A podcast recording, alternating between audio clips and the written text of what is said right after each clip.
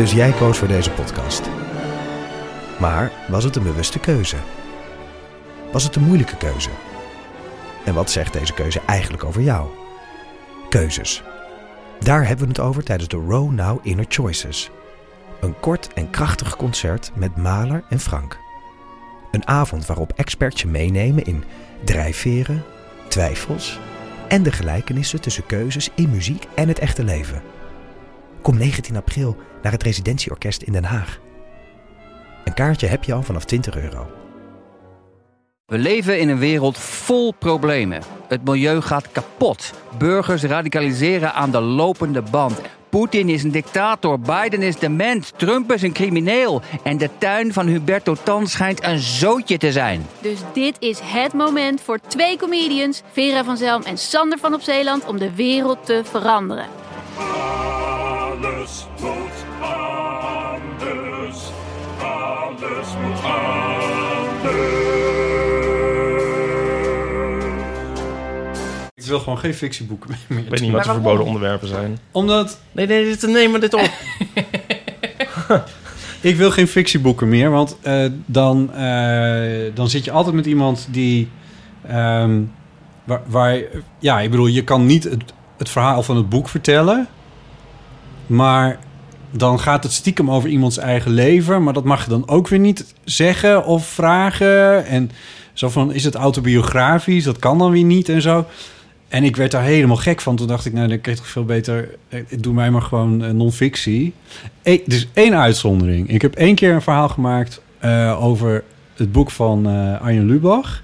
Die heeft een boek geschreven dat heette Vier, met, een, met Romeinse cijfers. En dat was een thriller. En toen heb ik een heel lang gesprek met hem gehad... eh, over hoe je niemand kan interviewen over thrillers.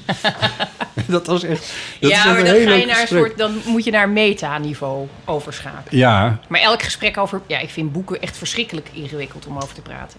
gewoon niet dichter bij jou zetten. Oh, dan gooi ik bijna mijn thee om. Oh, ik vind het oh, echt dat een heel ingewikkeld actie. begin. Ja. Maar elk gesprek over fictieboeken is misschien al eens een keer gevoerd. Dus ik zou, misschien kun je gewoon, zeg maar, dan... Het zou eigenlijk een soort catalogus moeten zijn van... we hebben nu deze schrijver, nou dan doen we gewoon dit interview. Die schrijft over de dood van zijn moeder. Dus eh, nou, dan moet je dan dat... Ja, dan moet je Nee, maar het komt ook omdat er twee stromingen tegelijkertijd plaatsvinden. Aan de ene kant willen mensen hun boeken verkopen door te zeggen het is waar gebeurd. Of een link naar de realiteit te Mhm. slaan. Ja. En dat willen alle luisteraars natuurlijk dan ook weten. Mhm. En aan de andere kant moet je je als, als een soort literaire hygiëne... moet je je houden aan... Het is eh, een roman, hoor. Het is- het is- het is allemaal bedacht. ik-persoon. En dan krijg je dus precies, bij dichters zie je dat heel vaak. Dan zeggen ze, Ja. je hebt in, de, in je bundel heb je een hele mooie eh, passage over... eh, nou, in, in deze, dit gedicht gaat echt over, over de affaire die jij had met... En dan corrigeert zo de interviewer zichzelf. Ik, ik bedoel natuurlijk de ik-figuur. En dan weet iedereen in die stijl... Oh, die dichter, die... eh, Ja, ja, dus dat willen we wel even weten. Ja. Daarna doen we dan net alsof het... Dat is het En- spelletje. ja, en dat, dat, is, dat maakt het zo ingewikkeld. Mhm. En je krijgt ook gasten die het heel graag willen natuurlijk. Die Ja. willen zeggen, ja, het Ja. is inderdaad mij allemaal overkomen... dit eh, coming-of-age verhaal Dat is in, nog in erger de grachtengordel. Ja. Dit is, is mij echt gebeurd, ja. Ik heb net echt een heel slecht boek gelezen ehm, dat hier wel bij aansluit. Wij, wij begonnen onze, onze mini-vakantie in de kringloopwinkel van ehm Hardenberg. Nee? Van Omme. en ehm, toen was er voor 1 euro, ik durf het eigenlijk niet te zeggen... het boek Haantjes van Kluun. Ja. En ik weet dat daar- dat is ook zo'n soort sleutelroman. Maar het is eigenlijk meer een kort verhaal. En ehm, daar zit ook iemand in die ik ken. Dus toen dacht ik van, oh, dat wil ik dan toch eens... Gaat dat over die reclame, jongens? Ja, en die dan de gay eh, games, de gay Olympics gaan hebben. De, hebben dat ze dan. Volgens mij is dat dus niet zo, want volgens mij was het de Pride. Nou, dat weet ik trouwens niet zeker. Maar in ieder geval rond de, de hebben ze een soort marketing stunt. Maar ik, wilde, ik dacht gewoon van, oh, diegene die ik dan ken, even kijken hoe die er dan afkomt en zo. Weet je wel? En, Ja. en het was 1 euro. En heb ik dat, dus in een uur heb je het gelezen. Maar daar werd je dus ook niks wijzer van. Maar dit is ook zo'n helemaal zo'n er zit ook een verantwoording bij. En die is ook helemaal zoals jij nu net ze- zegt. Met een soort heel moeilijk spel van wel Innuendo's en niet. En, en- dat, dat je eigenlijk denkt van... Ja, laat maar. Iedereen begrijpt precies hoe dit zit. Snap je? Ja. En ik, ja, ik dacht ook van... Dit is het soort boek dat je eigenlijk op krantenpapier moet afdrukken. Want niemand leest zo'n boek voor de tweede keer. Je kan het echt zo Nou ja, dit was dan in een kringloopwinkel terechtgekomen. Jij zegt niks. Ja, Nee, ik, ja, heb het, ik heb het nooit gelezen, dus Nee, ik, ik weet nee, wel grofweg waar het over ging. ja. Ik herinner me dus dat het iets met reclamejongens was, maar dat is ja, een soort waar ik heel ver vanaf sta Ja. in de Ja. evolutie. Ja, ik ook. Hoewel, nou ja, nee ja, ik heb vroeger als kind wel heel vaak reclames bedacht. Bedacht. Ja, ik bedacht heel vaak ja, wat nou een goede reclame voor tampons zou zijn, heb ik een keer bedacht. Toen was, ja, was ik wel iets ouder, 13 Door je formulering leidt ik uit af dat het nooit echt grond handen en voeten gekomen. heeft gekregen. Nee, maar ik vind het wel nog steeds leuk om te doen. Dus ik zeg nu eh, te snel dat ik er ver van af sta. Misschien is het gewoon... Doe eens eh, eentje. kift. Ja, op commando is dat natuurlijk nooit. Nee, die met die tampons kan ik me wel herinneren, omdat het was toen dus altijd. Dat was toen ik dus 14 was, 13, Ja. 14, waren die reclames allemaal nog met die blauwe vloeistof. Ja, die blauwe. En dat vond ik toen al een vloeistof, beetje stom. Omdat ik dacht, ja, niemand krijgt blauwe vloeistof. Tenminste, voor zover ik wist. Ik Nou, wist nog niet alles, maar ik Het dacht, Koningshuis. Ik zou natuurlijk kunnen dat het Koningshuis... Ja, die waren er toen nog eigenlijk niet, hè? Ik bedoel, de prinsesjes waren er nog niet. Dus dan was het nog, had, het nog, Oh had je het nog daaraan kunnen linken. Dat was ook niet zo. Dus, Sorry. En toen dacht ik, nou, ze moeten een beetje een stoerdere reclame maken. Waarin de tampon dan echt een soort heldenstatus krijgt. Dus toen had ik bedacht, als een soort variant op eh, dat jongetje dat zijn vinger in de dijk steekt. Dat je dus zo'n vrouw zag fietsen over de dijk. En dan zag je dus ergens een lek. En dan zag je haar dus in haar tas zoeken, haasten. nee, wat goed! En dan ineens, en dan zag je, en, dan, en als ze dan wegfietsen, dan zag je aan de achterkant zo'n enorme opgezwollen witte klont zitten. Nou, dat leek me dus echt een Ja. fantastisch beeld. Maar dit moeten ze... Dit moet je verkopen, joh. Ja, dit heb ik dat dus al ik ook, sinds ja. mijn 14. Dus al meer dan Zit je dit 20 te jaar pluggen? zit ik op dit gouden ei. Ja. maar ja, Dit is echt een heel goed idee. Jij gaat zo rijk worden. dankjewel. Ja. Heb je nog meer van dit soort ideeën? ja, de rest van mijn talent heb ik gewoon verspild aan eh, dichterschap. Ja, heel jammer.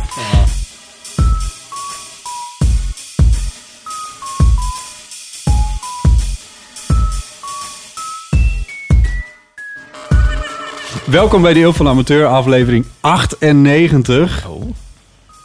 Met vandaag natuurlijk Ipe Driessen. Hardo. En ook aan tafel Esther Naomi Pequien. Dag, Ja, welkom. dank je. Ontzettend leuk. Ja, ik ik eh, ken je van de VPRO. En daar hadden we het net ook al een heel klein beetje over. Want we hebben zelf we hebben voor hetzelfde programma gewerkt. Daar. Eh, weliswaar flink bij elkaar langs. Want ik was dan altijd buiten de deur om reportages te maken. En jij presenteerde binnen eh, op de vrijdagavond. eh, Ik zie jou nou echt in de stortregen staan. En jou met een kopje thee. Zo bij de microfoon. Nou, dat, Ging het zo? dat is Ja. wel gebeurd, ja.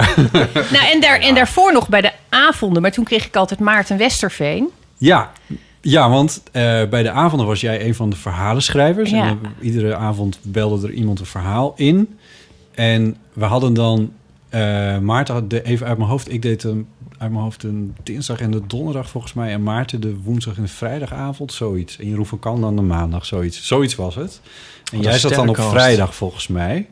Of op woensdag? Nou ja, in ieder geval. Nee, ik zat op vrijdag. Op vrijdag, dus dan had je dan Ik Maarten. had altijd Maarten. Die presenteerde en die belde dan met jou. Je had altijd Maarten. Ja, dat vond ik heel leuk. Ja, en, eh, en soms mocht ik met jou bellen. Ja, klopt. Als ik eh, Maarten een keer verving of hadden geruild of zo. En eh, dat was ook, ja, en zo hebben we elkaar leren kennen inderdaad. Maar dat was allemaal via de telefoon. Uit mijn hoofd. Het heeft heel lang geduurd voordat ik überhaupt gezichten erbij had. Ik heb met Maarten Ja. een keer afgesproken, nu gaan we koffie drinken. Want ik merkte steeds als hij belde, dacht ik, god, die stem. Ja, dan, en daar bedenk je dan een man omheen. En op een gegeven moment moet je dat wel aan de werkelijkheid eh, toetsen. Gewoon Nou, en? anders. Nou, dat was nog steeds een hele leuke man. Maar het is wel anders als je de stem losknipt Ja. en kan omringen met je eigen Ja. sfeerbeelden. Ja, Maarten was, daar, Maarten was daar ook wel extra goed in, geloof ik. In, eh, in de microfoon kruipen. En, eh, imponerende dat soort dingen. stem. Ja, een beetje wel. En hij kon het ook wel aanzetten. Hij had ook wel een beetje dat soort talent voor wat eh zwoeligheden. Ja, zwoel, inderdaad. Ja, en dat is hij toch niet... Ja, niet in de omgang vind ik hem niet overdreven zwoel. Nee, nee Hoewel- geloof ik niet. Hoe zien de zwoele mensen eruit in de Dat is een omgang? goede vraag. Ja. Ik kijk nu naar Ipe, omdat, omdat je toch verwacht. Ja, die vult dit moeiteloos aan. Ja, we hebben het hier wel eens over gehad. Ja, nou, we hebben wel eens een beller gehad waar wij helemaal enthousiast van werden op basis van zijn stem.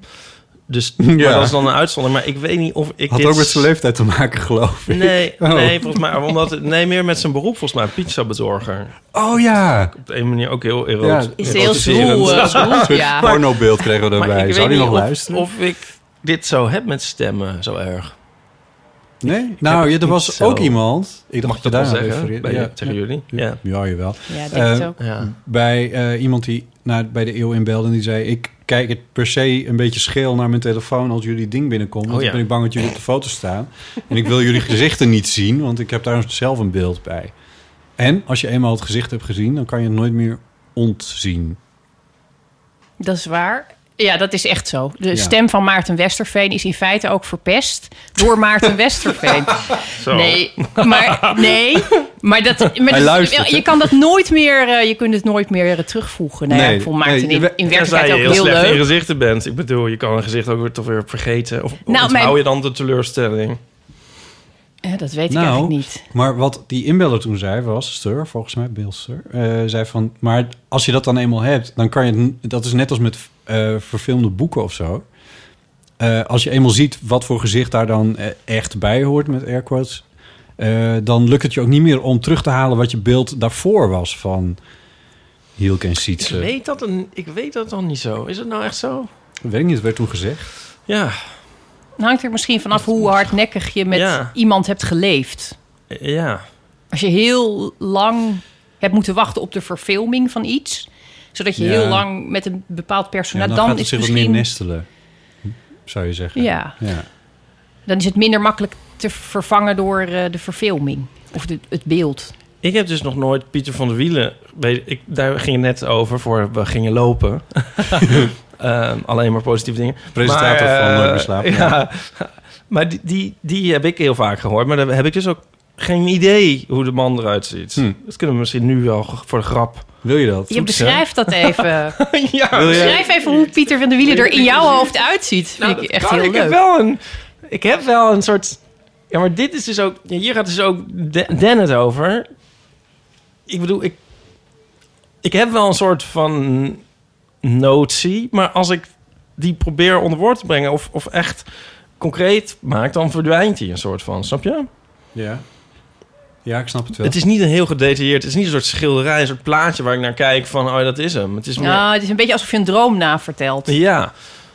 Maar hij heeft in ieder geval donker haar... Dat klopt. En hij is niet zo oud. Nee. Ja, dat, dat, is, dat kan ik zeggen. Ja. En niet, kijk, niet zo aardig. Wat? Kijk, niet zo aardig. Hij Kijk, kijkt niet zo aardig. Ik denk dat dat ook klopt, maar dat is een vergissing, want hij is heel aardig. Ja, nee, dat geloof ik Ja. wel. Ja. Ja, laat hem eens zien. Hij kijkt ook altijd heel aardig, vind Hij ik. draagt Ja. altijd pakken, maar zonder eh overhemd eronder. Oh ja. Oh ja? Ja. Nee, daar had ik ook niet bij. Zal ik hem zelf even opzoeken? Ja, doe dat maar. zelf even op. Gaan we nu live horen hoe Pieter van der Wielen in werkelijkheid bevalt. Pieter van der Wielen Pieter, als je luistert, daar, ga- daar ga je. Ja, zo benieuwd. Opeens. Het is nog nooit in me opgekomen. Hij is ook op de, gewoon een jaar op televisie geweest trouwens. Echt? Ja, met het wetenschapsprogramma. Oh, hè? Oh, hè? Nee, heel anders toch wel. Hè? Oh. Heeft hij dit haar? Nee, dat hebben we voor de grap even opgezet. Is het wel een recente? Ja, dat is wel een redelijk recente foto. Je kijkt echt heel vies.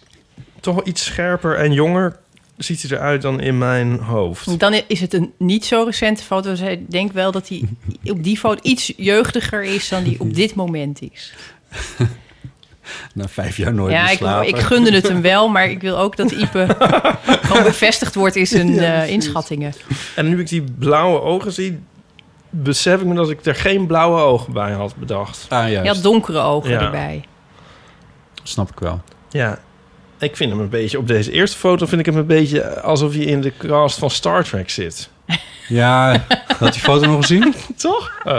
Ja, Ja, dit is wel zo'n eh, NPO komt ook eh, door zijn kleding. Ja. Dat Ja, dat, Dat- dat jasje ja. over de t-shirt. T-shirt met een V-hals is heel erg eh, Star Trek-achtig. Ja, dat is wel waar, ja.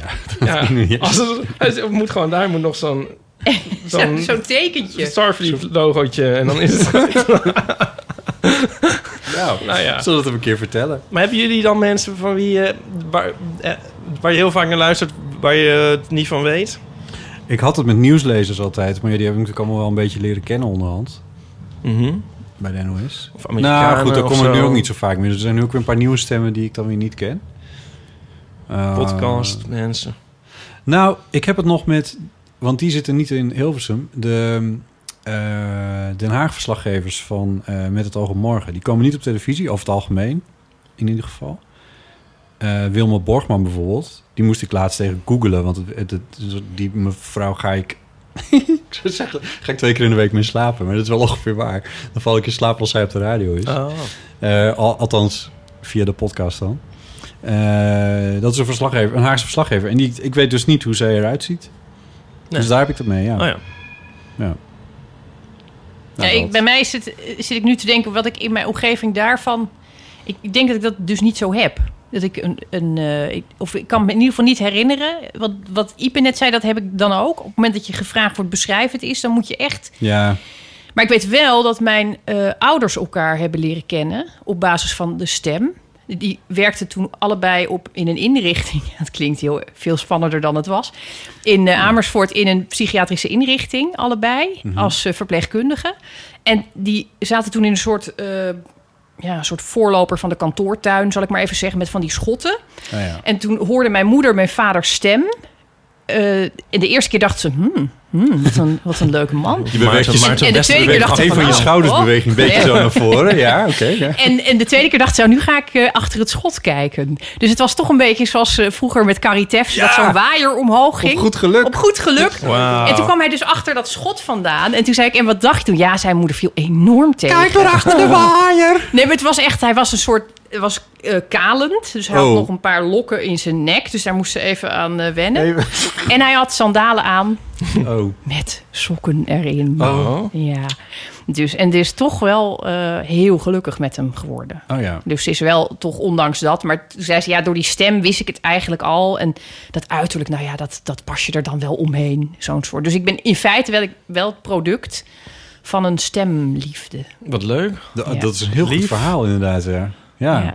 Nou, ik denk er nu pas aan. Dus het is niet zo dat ik me daar mijn hele leven al eh, op Nee, maar... laten voorstaan. Nou ja. En op de een manier is dat toch ook veel verhevener dan, dan op het uiterlijk afgaan, op de stem afgaan eigenlijk. Waarom is dat eigenlijk? Waarom is dat? Dat draaide Omdat heel op, al goed- op- op, op het goed geluk afgaat. draaide daarom. Nou, ik vind stemmen wel heel essentieel. Ja. Echt heel essentieel. Ik, zou, ik, ik hou enorm van eh, de Limburgse tongval bijvoorbeeld. Ja, maar ik kan oh ja. me echt niet voorstellen dat ik... Nee, ik kan me gewoon niet voorstellen dat dat lukt met, een, met mij en een Limburger. Dat, dat denk ik gewoon dat dat heel, ook voor de Limburger helemaal niet leuk wordt. Laat de hate mail maar Ja. weer komen. Nee, ja. Oh, die kan wel dat dan tegenovergestelde zeggen. Van, eh, En hebt ex het met nog altijd de eh, Oh. Limburgse tongval. En dat blijf ik zo leuk en, en mooi vinden. Oh ja. Ja. Ja. ja dat, Dus, kunnen, dus dat- de hate mail trek maar weer in. Dit uh, Ja, tot elkaar zo uit, toch? Ipe compenseert dit allemaal eh, rijkelijk. Nou ja, trouwens, wat loop je er ook aan mis verder? Het is ook helemaal niet, het is eh, gewoon genoeg... Nee, maar ik bedoel, er is genoeg keus wat dat betreft. Oh ja. Dus een kleine voorkeur kun je je wel permitteren. Is ook waar. Ja. ja. Hey, we kunnen beweren dat, je, dat we je hebben uitgenodigd vanwege Poetry International. Wat is dit? Wat volgende week Waar gaat begint. dit heen? Ja, ik, Waar ik echt niks eh, doe en mee te maken heb, maar waar ik wel eh, Nou, natuurlijk heen ga. Als, eh, Nou, daar ben je natuurlijk... Supporter Wat is dat nu? Dat is nu twee jaar geleden? Tweeënhalf jaar geleden. Toen ben je daar benoemd tot dichter des vaderlands. Dat gebeurt daar, toch? nou, niet helemaal. Oh. Ze hadden er wel iets mee te maken. Inmiddels ook niet meer. Oh. Ehm, Oh, ik meen dat bij ja, nee, het, het, ja, dat noemen ze dan het Bureau des Vaderlands. Vind ik altijd heel leuk. het Bureau des Vaderlands, dat hing eigenlijk onder poetry. Dus de benoeming kwam dan door een commissie. Dat was van externe mensen. En, die, en, en de uitvoering, voor zover dat nodig is, die hing onder poetry. Oh ja. En dat is nu, nu niet meer zo. Nee. Dat het bleef ook een ingewikkelde constructie. Ik zal daar niet te diep op ingaan. Eh, maar dat is nu veranderd. Het is nu een stichting geworden. En dat is denk ik heel gezond. Dat het los is van eh, allerlei andere toestanden. Oh ja. Ja. Nee, oké. ja. Nee, want het is natuurlijk ook wel een, eh, een publieksverkiezing geweest. Terwijl- Voorheen. Ja. Ja, dat klopt. Dat was heel eh, geestig. Oh, sorry, kijk ik naar je. Dan moesten mensen Ik- ja. echt, echt eh, op tournee en zo. En, Ja. En dat, ja, ik zou dat ook nooit gedaan hebben. Maar ik had sowieso niet de ambitie om dat eh, te worden. Dus ook niet toen ik gevraagd werd, had ik nog steeds niet de ambitie om het te worden. Omdat Nee? Ik, nee, omdat ik weet dat het, het is echt heel ingewikkeld. Ten eerste is het een beetje mallig, vind ik altijd, zo'n titel. Ehm, en ten tweede moet je dus heel veel gaan doen in de opdracht. En dat vraagt Ja. allerlei concessies... waarvan je dan nog niet weet of je bereid bent die te doen. Nee. En ik, ja, ik was ook gewoon bang dat ik op haringparties en zo... met een haiku uit een doos moest springen. Je hebt toch een bepaalde... Ja, je hebt een bepaalde voorstelling Ja. van hoe dat wordt. En het, ja, ik dacht dat wordt een soort circus eh, act. En daar kan ik gewoon niet zo goed tegen. Nee. Als ik, dat, ik vind het niet erg om het af en toe te doen. Maar het leek me niet heel Maar gezond. hoe, lang bestaat dat va des vaderlands ding? Nou, nu volgens mij tien jaar of twaalf jaar. Nee, al wat langer toch? Ja, in Nederland is het nog best Ger Gerrit Komrij was de eerste volgens mij. jong. Dat Maar is dat zo lang geleden alweer? Nou, Ik heb ook het idee ik heb het zo lang even hoor. opgezocht en toen viel het me op dat er ook veel dichter des vaderlandsen zijn geweest die het echt al een periode van vier jaar zijn Ja, geweest. dat was de oorspronkelijke periode. En bij mij hebben ze het teruggebracht naar twee jaar. Ja. Ik denk omdat ze wel zagen aankomen. Dat, wordt, dat wordt voor die vrouwen ook niet heel prettig. En voor het Nederland ook te veel. Te veel. Dus toen hebben ze dat teruggesnoeid naar twee ja, jaar. Ja. Ehm, dus ik denk eerlijk gezegd dat het, al, dat het wel iets langer al bestaat. Maar Het goed. is overgewaaid uit een ander land. En in Eh, Engeland hebben ze het al heel ja, lang. Maar ja. daar krijg je, wat krijg je daar ook alweer? Een, een vat port of zo. Of, of Een vat. een vat sherry. Ja, Wat volgens mij krijg je een. Hoeveel kreeg jij? Ja, nee, ja, ik. eh, Die Engelsen in, zo- in Nederland is het nu, nu sinds een aantal jaar zo dat je een soort basisbetaling per maand krijgt van het Letterenfonds. Oh ja. En dat is, dat is niet riant, maar daar, daar, dat is een soort basis. En daar word je dan geacht het wel voor te doen. En je krijgt natuurlijk los daarvan wel door sommige opdrachtgevers betaald, maar ook heel ja. veel onbetaald. Ja. Dat hoort dan gewoon bij de functie Ja. dat je dat doet. Want het verscheen dan in NRC, stukken die je schreef. Ja. En betalen die je dan ook? Ja, sorry, dit is heel onfatsoenlijk om te vragen eigenlijk. Die betalen daar ook voor, ja. Ja, omdat nee, je ja, in principe gewoon materiaal Ja, aanlevert wat wordt afgedrukt. Dus je krijgt dan een soort, nou ja, zoals een columnist, zeg maar. Alleen dat, ja, dat Het is is heel natuurlijk- weinig poëtisch wat we nu aan Maar het doen zijn. Nee ja, We kunnen het is een vraag die leeft. het, het ZZP bestaan. Ja, Maar jij stond er wat ambivalent tegenover. Ja. Maar en hoe, hoe was het dan? Of, of, of het mee of tegenviel. Het, het uit de, de doos springen. Nou, ik heb echt te veel hele mooie en fijne mensen en eh, ontmoet en dingen gedaan om te zeggen dat het tegenviel. Hm. Ik vond de organisatie eromheen en de, en de manier van ondersteunen, zeg maar, die ze voor ogen hadden, vond ik, dat vond ik ingewikkeld. Het liep niet altijd goed, om het zacht uit te drukken. Eh, en ik ben ook echt lastig om mee te werken, omdat ik vrij kritisch ben. Ik wil alles weten wat er gebeurt. Dus ik wil gewoon even, de, waarom kost dit zoveel? En ik wil de begroting zien. En, en nou, ja, ik ben ook Ah, ja. moeilijk met subsidies. Vind ik ook altijd iets waar je heel zorgvuldig mee om moet Mm. gaan. Nou, en dat botste soms.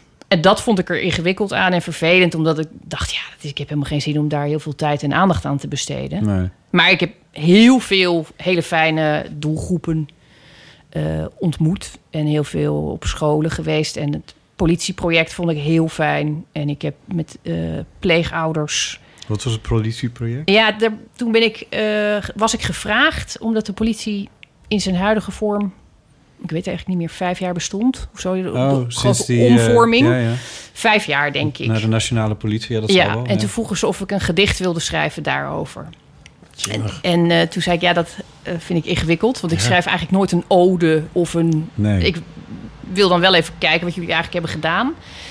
Mag dat? En uiteindelijk werd dat een heel leuk gesprek. eh, van anderhalf uur, waarin het heel erg ging over het gesloten bolwerk van de politie en het imago van de politie en nou ja, etnisch profileren en politiegeweld. En al dat soort onderwerpen kwamen langs. En toen was de eindoplossing die we hadden bedacht dat ik tien gedichten ging schrijven en dat ik ook een paar maanden mee mocht lopen met de politie. Echt? Ja, Wat heb je gedaan dan? Uiteraard, ja. Ja. Ik, ik, ik wist niet hoe snel ik die wagen in moest. Anders... nee, maar er komt ook omdat je natuurlijk heel... Normaal zit je heel saai, gewoon over het algemeen vrij saai. Eh, Dat is gewoon je werk. Je zit Ja. vrij saai aan een tafel. Ja. Nou ja, Ja, ja, nee. vorm te geven. Zeker. Ja, precies. En nu kon ik dus... eh, nou, dus ik ben met de recherche mee geweest. Ik ben in Utrecht geweest en in Den Haag en in Deventer. En ik ben met een avonddiensten mee geweest. En eh, ik heb rechercheurs gesproken, ook over hele heftige zaken. Sowieso waren het bijna allemaal hele heftige gesprekken. Hmm. Er is ook heel veel gehuild. En niet alleen door mij dit keer.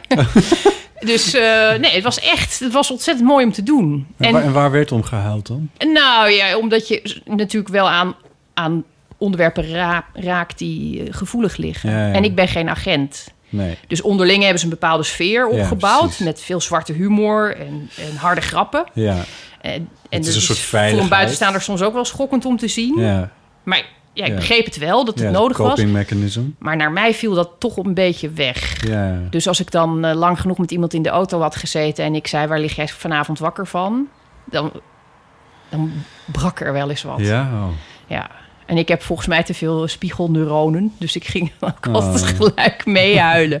Ja. ja, omdat ik het allemaal altijd ook heel erg vond. En, en omdat die mensen daar dingen staan te doen... die je echt niet wil dat Nee. iemand ooit moet doen. Ja. Nou ja, en die hebben ook zelf allemaal kinderen en zo. En Ja. die komen ook weer thuis. En nou ja, dus dat, dat, was heel mooi. En eh, tegelijkertijd moet je ook heel kritisch zijn. Dus, dus bijvoorbeeld over etnisch profileren heb ik wel ingewikkelde gesprekken gevoerd. Ja. En dan komt uit jouw werk van interviewer en dichter een soort samen. Ja. Ja, ja, en ik, toch zat ik daar niet, voor mijn gevoel, niet heel erg als interviewer. Ik weet ook niet of ik mezelf een interviewer vind. Maar ik ben wel nieuwsgierig en ik heb niet de neiging om eh, dingen uit de weg te gaan. Dat is ongeveer wat een interviewer moet doen. Oké. Ja. Nou, dus dat kwam heel erg van pas. en wat heel erg hielp, is dat ik dus zelf eh, lang voor justitie heb, heb gewerkt. Dus de, de sfeer en de hardheid en de grappen... en ook een aantal van hun problemen, die kende ik van binnenuit. Ja, want dit is een heel leuk eh, dingetje uit eh, jouw cv... wat natuurlijk voortdurend naar voren komt. Maar tijdens jouw studietijd eh, heb je bij een penitentiaire inrichting gewerkt. Ja. Hier in Amsterdam. Was dat de Bijlmer Baars? Nee, het was in Rotterdam. Oh, Dat is ook een stad. Ja, en zeker. eh, de- daar... ik meende dat je hier gestudeerd had. Maar dat... Maar... ik, ik zat hier op school en ik eh, werkte in Rotterdam in de gevangenis. Ah, juist. Ja, ja. Dus ik had hier, mijn, mijn uitgever zit ook hier. En heel veel van mijn vrienden zitten hier. Ik was hier ook hier. heel vaak. Hier is Amsterdam. Hier is ja. Amsterdam. En ik, eh, Where maar ik else? werkte in eh, de Noordsingel in Rotterdam. Oké. Een hele mooie oude baaiers. Een oude stadsgevangenis. Ja. Hmm. Lijkt En een waar- beetje op, eh, hoe heet het ook alweer? Wolfplein Ja, Wolfplein. in Utrecht. Ja. Zo'n Oh, ja. soort sfeer had het. Ja. Oh, ja. Ja. Ja. dat is wel echt eh, ouderwets met dikke muren, bakstenen. Ja, heel en mooi, spijlen. eh, pand. Ja, ja, ja, ja. Want waar woon jij nu? Nog steeds in Rotterdam. Ah. Ja. Maar ik kom er niet oorspronkelijk vandaan. Ik ben in eh, Zeeland opgegroeid. ja. ja. En geboren in Utrecht. Dus ik hoor echt helemaal eh, nergens bij. nou ja, Ja, nee, maar goed. Ehm we hadden het nou over? Oh ja, over dat je ook nog bij justitie hebt gewerkt inderdaad. Dus daar kende je dan, zeg maar, die poli- Ja, is dat een politie? Ja, goed, dat zit in diezelfde sfeer. nou, die, die sfeer van een beetje... eh, Ja, ja, ja. man- ja, ik doe nu een beetje een bodybuilder Ja, na. ja. Of zo. Of die staan meer zo, hè, met Ja. omhoog. Om het aan te spannen. Eh, Dus die sfeer, dat, eh, dat kende ik wel. Ja. En ik schrok dus ook niet heel snel van... eh, ja, stinkende mannen of zo. Politiewerk was is echt best heel vaak vies. toen. Ik was daar, is, ja, ik ben Cipressen. vijf jaar eh, bewaarder geweest. Ja, ik, vind, ik, ik zei altijd dus eh Cypress als iemand het vroeg. dat is een boom volgens mij. maar- Ja, maar dat vond ik zelf heel grappig, omdat mijn vader ook altijd obers en aubergines zei in het restaurant. Ja. Ja. Dus, eh, maar ik was er vijf jaar lang ben ik bewaarder geweest, dus echt fulltime. En eh, dus, dus de gewenning aan eh, viezigheid en schreeuwen en vechten en psychoses en zo, dat had ik allemaal al. En dan schrik je dus iets minder als je in zo'n politie. Wat deed je met je spiegelneuronen in die tijd dan? Nou, die draaide overuren. ja, ik heb, ja, Eh, dat is dus heel gek. Want ik heb eigenlijk pas nu, nu ik daar dus 15 jaar uit ben, denk ik er veel meer over na. En op een veel gevoeliger manier. Ja, dat klinkt heel raar om over jezelf te zeggen dat ik nu ineens gevoelig... Maar ik was toen gewoon aan het werk. Ja, ja. Dus het, het moest gewoon. het moest gebeuren. En ik heb toen natuurlijk ook wel dingen heel eenzaam gevonden... of heel verdrietig of heel verwarrend. Ja. Maar ook heel vaak grappig en ehm, ja, maakt het uit. Beetje zo. Ja. ja. dat, eh, dus je wordt ook deel van waar je in zit natuurlijk. Hm. Dus ik was toen toch een beetje wel een, eh, meer zo'n mannetje als ik nu ben. Ja. ja. Of eh, En toen, toen ben je afgestudeerd, ben je gewoon gestopt? Of, wat? Ik bedoel, je had het ook je hele, je had het ook kunnen blijven doen misschien? Nee, ik ben nog vijf jaar eh, gebleven bij justitie, lang, maar ja. niet in de, Oh. in de baaiers. Nee. Dus toen ben ik op een kantoor gaan werken waar ik eh, gedetineerden moest perforeren en op alfabet hangen. dus ik heb heel veel dossiers toen gelezen. Ook met processenverbaal en eh, verslagen van eh, ja, observatieklinieken.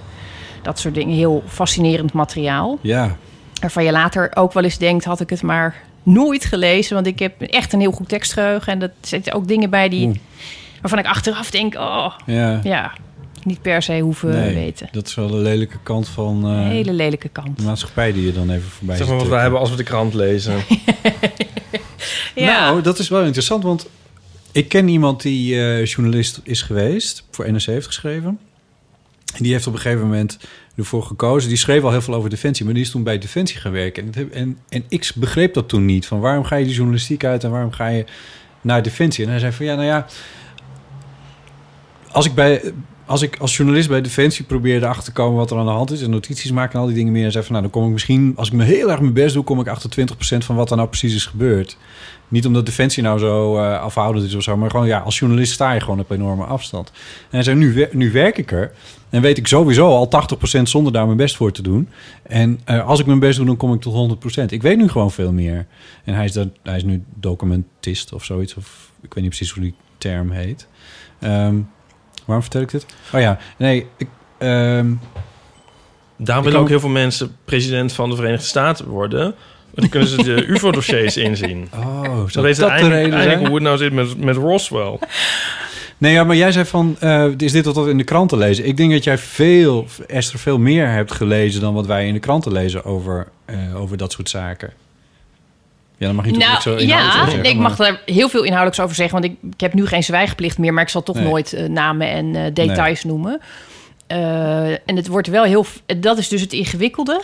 Er wordt heel vaak naar gevraagd. Als ik uitleg, ik heb vijf jaar in de gevangenis gewerkt, dan wordt er heel vaak gevraagd: oh, wie- waren dan de Ja, ergste ja, boeven of zo? Terwijl ja, voor 98% zijn het doodnormale mensen, waarvan ik ook ja, vaak vond dat het leven gewoon heel sneu was Ja. geweest of, of verdrietig. Ja. Of dom, gewoon domme dingen hebben gedaan. En nou, een hoge uitzondering was er dus af en toe iemand die zo door en door slecht was. Maar dat zijn wel... Ja, die zaken staan allemaal nog heel gedetailleerd in mijn geheugen gegrift. En dat zijn heel, vaak hele bloederige zaken. Of dingen met kinderen of, of allebei. En dat zijn echt niet dingen die ik graag vertel. Waarvan ik ook eigenlijk vind dat je ze helemaal niet moet gaan verspreiden, die informatie. Maar je ziet dat er bij ook, nou ja, bij, bij alle mensen zie je toch een enorme hunkering. En een soort verlekkering. We weten allemaal waar die films over gaan die op Netflix staan en die in de bioscopen draaien. Dat, zijn, eh, dat gaat niet allemaal over heideveldjes. Nee, ja, en, en ook heel veel advocaten bijvoorbeeld, die noemen een zaak ook bijvoorbeeld smeuig. Dat is een woord wat best vaak valt. Een smeuige zaak of een sappig dossier. Ja, of ja, een, ja. En, en, Dat ja, is toch beroepsdeformatie? Dat, is, ja, dat vind ik heel ingewikkeld. Want Ja. ik kijk zelf ook graag naar hele enge horrorfilms en zo. Ja? Ja, ik, ik kan echt best... Ik kan dus niet tegen dingen waar kinderen in voor. Dat is vervelend ja. als je een kind krijgt. Ja. Had eh, Paulien geloof ik ook Ja. last van. Ja.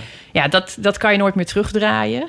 Maar eh, nee, ja, zodra het een tikje onrealistisch wordt... vind ik het eh, ook echt leuk. En dan, en dan wil ik ook echt dat het angstaanjagend is... met veel eh, heftige Leuk. effecten. Ja, ik ook. ja, dit is overigens eh, eh, even een plug voor eh, Linda. Volgens mij gaat de nieuwe onder mediadoktoren over... eh, Linda Duits bedoel je, ja? Ja, ehm, de fascinatie van media voor geweld. Met geweld. Wat er dan zo lekker aan Wat is. zit jij Linda de hele tijd Ja, ik heb het nog niet gehoord, maar dat, ik bedoel, dat kan toch niet ongezegd blijven nu Nee, dat vind ik een hele goede Ja. luistertip. ja. Hey, ehm wij hadden het ook op het internet gezet dat je hier bent. En eh, toen reageerde, of tenminste, ja, Twitter hebben we het dan over. Toen reageerde eh Jonica Smeets. En die zei... ehm, oh, mijn vraag is of ze een gedicht wil voordragen. Haakje openen, want dat kan ze zo mooi haakje sluiten. En of ze tips heeft over het voorlezen van poëzie. Oh. Zou je dat willen? Eh, ik wil best iets voordragen, maar ik heb niks meegenomen. Ik heb jou Oh, je hebt eh, iets uitgezocht. gedicht eh, uitgeprint dat je hebt geschreven Ja. als het... ehm, eh, Oh, ja. Mag dat? Ja? Het Boekenweek... eh, Zeker. nee, wat was het nou? Het Boekenweek gedicht is het. Dat is de officiële Ja, het, titel. het boekenwerkgedicht. Ja. Ja. anders dacht ik, dan moet ik improviseren. Een beetje, en dan wordt het een soort candlelight. Ja, nou, dat vinden we Oh, ook leuk. Maar dan zou ik je wel enorm voor het blok zetten. Heb ik Je kont is een harmonica. Je bent mijn instrument. Nou ja, dit- dat, dat kan ik dan heel slecht. Wat leuk van Jonica dat ze dat eh, zegt. Ja. Dus we gaan nu niet improviseren, hè? Want anders ga ik dus dat doen. Ja, heb ik nu al verpest. Het mag allebei. Wil je daar dan wel even Candlelight nog onder Ja hoor, natuurlijk. Vind ik echt maar heel dat heb ik niet paraat, maar dat zet ik er dan nee, dat onder. snap ik. Oké. ik zal dat, eh, dat boekenweekgedicht dan eh, even voorlezen. Wil je daar ook candlelight muziek onder? Nee, dat is moeilijk. Zoals ze in je praat en dingen vindt, dwars door je eigen woorden, klinkt vaak ongevraagd. Doe je haar nou wat opzij? Je hebt toch ogen? Waarom moet dat nou zo open? Die mouwen staan je raar en doe een das om als het waait. Zoals ze in je borstkas zucht wanneer je iets onnodigs dreigt te kopen. Zeg dat suiker, vet voor je bloed, je hart, je lever slecht door drank en sigaretten is gekwetst. Als je slordig oversteekt of fietst door rood. Je mag van haar niet dood. Niet eens geschud, geschaafd. Als een achtervolgingsscène die een leven lang vertraagd wordt afgespeeld. Ze loopt je na. Dit voortbewegen één en twee in hetzelfde beeld. Zo vaak val je tegen, zo vaak val je mee. Steeds ongevraagd gered. Bij hond, stoep, hek en noodlot weggegrist. Je kijkt naar haar, je weet niet wie ze is. Maar het is natuurlijk de moeder. Ja, maar ja. Heb, heb jij dat, vind jij dat die laatste... Ik kijk nu even naar Ipe. Ja. Heb jij dat gevoel dat je, dat je weet wie je moeder is? Nee, ik vind het vreselijk. Ja, ik had het eh, al gelezen. Eh, toen, hè, toen je het schreef. Of tenminste, met, In maart, eh, ja, met het- met de, het- met de Boekenweek. Ehm, nee, ik vind het een... ja, ik vind het echt een fantastisch gedicht. Omdat... Het is heel mooi. Ja, dat einde is een soort... Dat is ook een beetje een soort plot... Een soort, soort twist, zoals in in een Grietelfilm misschien. Want eerst herken je het zo erg... En dan daarna, ja, er, er komt, ja, nee, ja. Het zet vooral heel erg aan, vind ik, om, na, om over na te denken wie je moeder is. Wie je moeder voor jou is. Ja, Ja. en ik bedoel, er zijn natuurlijk dingen die je gewoon nooit gaat weten. Dat is het gekke. Omdat je niet kunt bekijken wie ze is zonder dat ze jouw moeder is. Ja.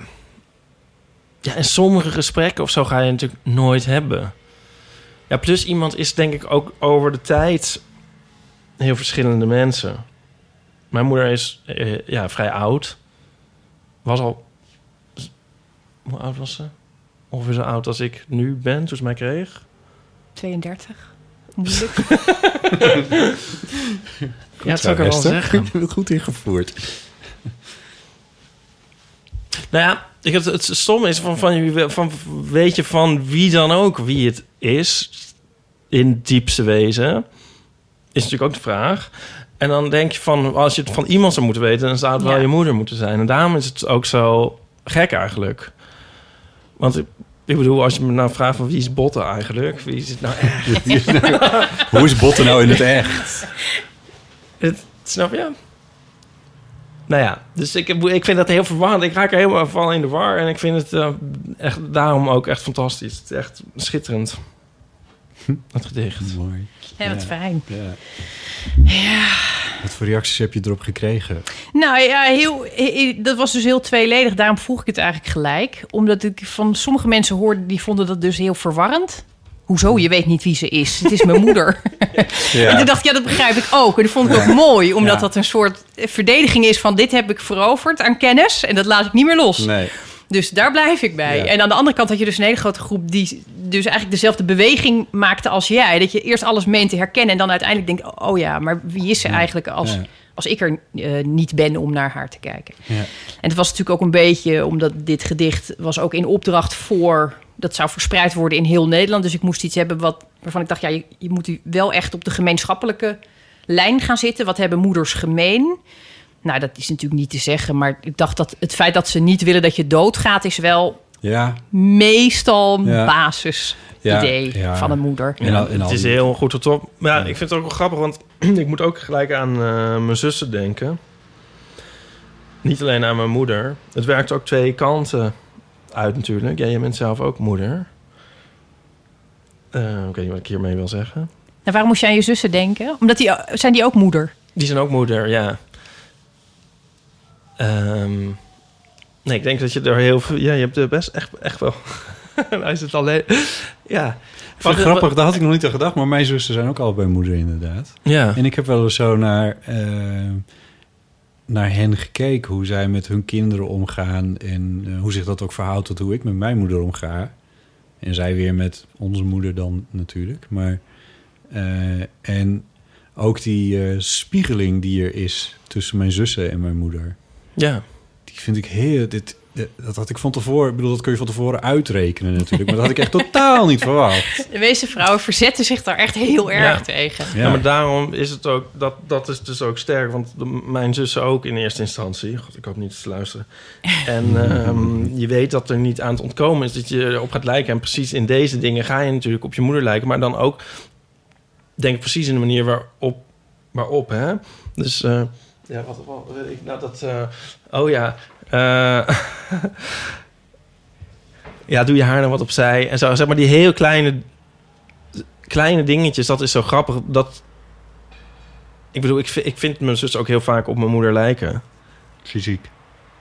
Nee, maar in In precies, ja, in precies die dingen waar ze dan op letten of zo. Of misschien die ze niet na willen doen en daardoor nalaten. Maar dat je voelt dat ze dat eigenlijk wel zouden willen, snap je? En eh, nou ja, Oh, het is, het is echt... Ik, ik vond het wel echt een worsteling toen ik zelf moeder werd. En dus merkte dat ik allerlei dingen die ik echt niet wilde kopiëren, wel ging kopiëren. Ja. Met als eh, dieptepunt, voorlopig dieptepunt, ik ben nog niet uitgemoederd. Voorlopig dieptepunt. Mijn moeder had hamerduimen. Ik weet niet of je dat wel eens gezien hebt, maar dat zijn van die heeft. Mijn moeder leeft nog. Ja, gelukkig. Ondanks wat er wel eens beweerd wordt in trouw. Ehm, Oh, die, heeft echt, die heeft van die platte grote duimen. Dus Ja. dat, die, die bovenkant is gewoon een soort uitgezet. En dan, dan zei ze dus, dan stond je al in de gang om naar school te gaan, dat je je jas aan. En dan zei ze, kom eens hier met je toet. Oh, en dan nee. wist je al wat er Oh, ging ja, komen. ja. En dan ging eerst die tong zo langs die enorme duim. Ja. En dan kwam in slow motion zo die Ja. enorme duim op je af. En dan Ja. begon zo... Ja, er zat er iets nog één weg tandpasta te of zo. poetsen Ja, of zo. En dat haatte ik Oh. intens. Ja. Maar ook al vanaf heel jong kan ik me herinneren. Dus echt mijn eerste, even mijn eerste herinnering is dat ik die duim zo in slow motion op me af zie komen. Want die minstens zo groot was als dan. mijn neus. Ja, precies. Nou ja, en nu heb ik dus... Mijn oudste heeft daar nooit iets van gezegd als ik dat deed. Ik deed dat dus wel eens. Eh, omdat je niet wil dat je kind met tandpasta op zijn wang naar school gaat. Ja. En de jongste die eh, lijkt sprekend op mij. Echt voor 95 procent. En die, eh, ja, en die, die gaat echt in protest. ik heb hier een strip Ga weg over. met die duim. Echt? Ja, dat is waar ook, ja. Dan doet Nico dat bij mij. ja, maar wat, een, wat lief ook. Ja, is ook heel Zo'n ja. intiem gebaar. Ja, ja. Was ik al heel vroeg, zeg maar. Maar Ja. was het dan met tandpasta of met andere dingen die op je Nee, het was eh, met, zaten? weet ik veel, koffie of zo nog iets in. eh, ja, of ik weet niet, een kruimeltje of zo. Maar dan, ehm, ja. En, Ja. en wat riep het in jou op? Oh my god, je met mijn moeder. ik, heb, ik kan hem wel laten zien. Ik, Oh, leuk. Ja. ik, ik, ik, nou, pak hem wel. Ja. Maar, ehm wat je Ze staan hier in de kast. Ik ben ik ben in beeld. Eh, wat- het is- ik vind het heel lief. Het is toch een heel liefdevol. Maar wat, wat vond jouw moeder dan van het gedicht? Oh, maar die, ja, die herkent zich er niet zo in. Nee? Mijn moeder is niet zo'n soort moeder. Nee, ja, oh, voor een oh, deel ja. wel. Maar ze voldoet in heel veel opzichten niet aan Nee. het eh, standaard beeld van een eh, moeder. Lees jouw ouders, je, leven ze allebei nog? Nee, mijn vader is heel jong overleden. Oh. En ik, eh, ja, ik heb later wel eens gezegd, toen mijn vader overleed, moesten wij mijn moeder helemaal zelf opvoeden. Maar zo was het wel een beetje. Oh, we waren echt met z'n vijven. Ik heb twee broers en een zus. Oh, dus we wauw. waren met vijf mensen. Een Zeeuws gezin? Ja, maar het was echt wel een. eh, ja, mijn moeder heeft gewoon de dingen die mijn vader mee zijn graf innam. eh, dus het gezag bijvoorbeeld. En discipline en dat soort zaken. Dat stierf met mijn vader. En dat kon mijn moeder echt niet compenseren. Dat Ja. kon ze ook gewoon echt niet. En bovendien waren wij met z'n vieren. Hè? Ja, dan dus het is wel een snel soort. een soort overmacht. is, ze is naar eh, ons overgelopen. Eigenlijk zat ze in ons Oh, team. Dus we hadden echt een heel democratisch eh, nest. Ja, oh. Er waren wel regels, maar die stonden altijd open voor discussie. Ah, ja. Dus dat was aan de ene kant heel prettig. En eh, mijn moeder dacht dus, nu creëer ik een soort zelfdenkende mensen. Maar later merkte ik met name bij mijn jongste broer en mijzelf... dat wij dus enorm veel behoefte hadden aan iemand die gewoon zei... dit zijn de regels, Je hoeft niet zelf na te denken. Er is geen uitzondering, et cetera. Dus mijn jongste broer ging het leger in. Ah. Terwijl mijn vader echt een enorme pacifist was. Ja. Dus dat was wel heel treurig. En ik ging dus in de gevangenissen werken. Waar ik Ja. dus ook heel erg in zo'n strikt... Ja, Dus ik heb dat autoriteit, eh, eh, autoriteit zeg maar ingehaald. Ja, ja, Vond het echt hiërarchie. heel lekker. En, eh, ja? Geef eens. En ja, maar nou, we, we worden Ah. net interessant. Want en, en hoe is dat dan nu in jouw gezin, zeg maar? Nou, ik ben wel, denk ik... Ja, ik ben sowieso lijk ik heel erg op mijn vader. Dus dat strikte en... eh, ja, dat heb, dat hoe, heb ik... hoe oud was je toen je vader overleed? Ik was acht. Oh jeetje. Ja, er is geen goede leeftijd voor. Nee, maar... Ik heb wel eens nagedacht dat ik denk dat dat 10 of 12 nog erg is. Volgens mij is dat echt de, de ergste leeftijd, denk ik. ja, Maar goed, wel, 8 is ook niet. Ja, het is nooit een goed idee, vind ik Nee. eigenlijk. Maar goed, eh, ik, ik merk. Ja, daar kun je gewoon de rest van je leven wel last van houden. Dat is gewoon zo. Nou ja, het verjaart zo slecht, Ja. vind ik. Omdat je op elke leeftijd, nou wat jij net zei, Ipe dus. Ja. Jullie zijn bijna niet uit elkaar. Wat jij net dat je zei het heel goed doet. Heb je radioervaring? over dat je op iedere dat je op iedere leeftijd ook weer een andere moeder eigenlijk ziet of dat het Ja. steeds een andere persoon is. Dat is natuurlijk met mijn vader ook zo. Dus ik miste hem steeds op een andere manier. Dus iedere Ja, keer als ik dacht, ja. nou nu heb ik dit wel afgesloten. Ja, we gaan nooit samen hutten bouwen en we zullen nooit. En dan kwam er weer een nieuwe fase waarin ik dacht, oh, maar nu wil ik heel graag met hem over politiek discussiëren. Of nu wil ik heel. En dat is heel lang zo gebleven. Mag ik er nog iets over vragen? Ja. Is, eh, eh, heeft je moeder een, nog een andere man mee naar huis genomen? Hoe zeg je dat? Is ze nog met een andere man ge- ge- Nee. geweest geworden later? Nee. Is wel Is- heel is in jullie jong. gezin- Ze was het- echt heel jong. Ja. Want hij was 34 toen hij stierf en zij 32. Ja, jeetje. Dus het is echt, eh, ja, je zou denken alle nee, maar er kans. is dus ook niet nog een andere Nee, manachtig iemand in jullie eh, gezin terechtgekomen. nee. Dus ik Nee. heb eigenlijk nooit een huwelijk tussen twee mensen meegemaakt. Of eigenlijk nee, nauwelijks. Nee, ja, Want ik was ja. zes toen mijn vader ziek werd. En acht toen die stierf. Dus, dat, Ja, dus ik heb mijn een blauwdruk van hoe je ouders met elkaar zijn. Dat heb ik niet Nee, op de eigenlijk. leeftijden dat je dat echt gaat registreren, de- toen was hij er al niet meer. Ja, en ik had natuurlijk ook gewoon de, de praktische problemen... dat ik dus op een gegeven moment een man voor het eerst naakt zag. En toen dus echt dacht, oh, ziet dat er altijd zo uit? Vond het echt heel... Omdat ik dus geen vader had die af en toe... Dat, dat, ja, Ja, ik weet niet of de meeste mensen vaders hebben die bloot door het huis lopen. Maar ik vond dat mijn moeder deed dat wel.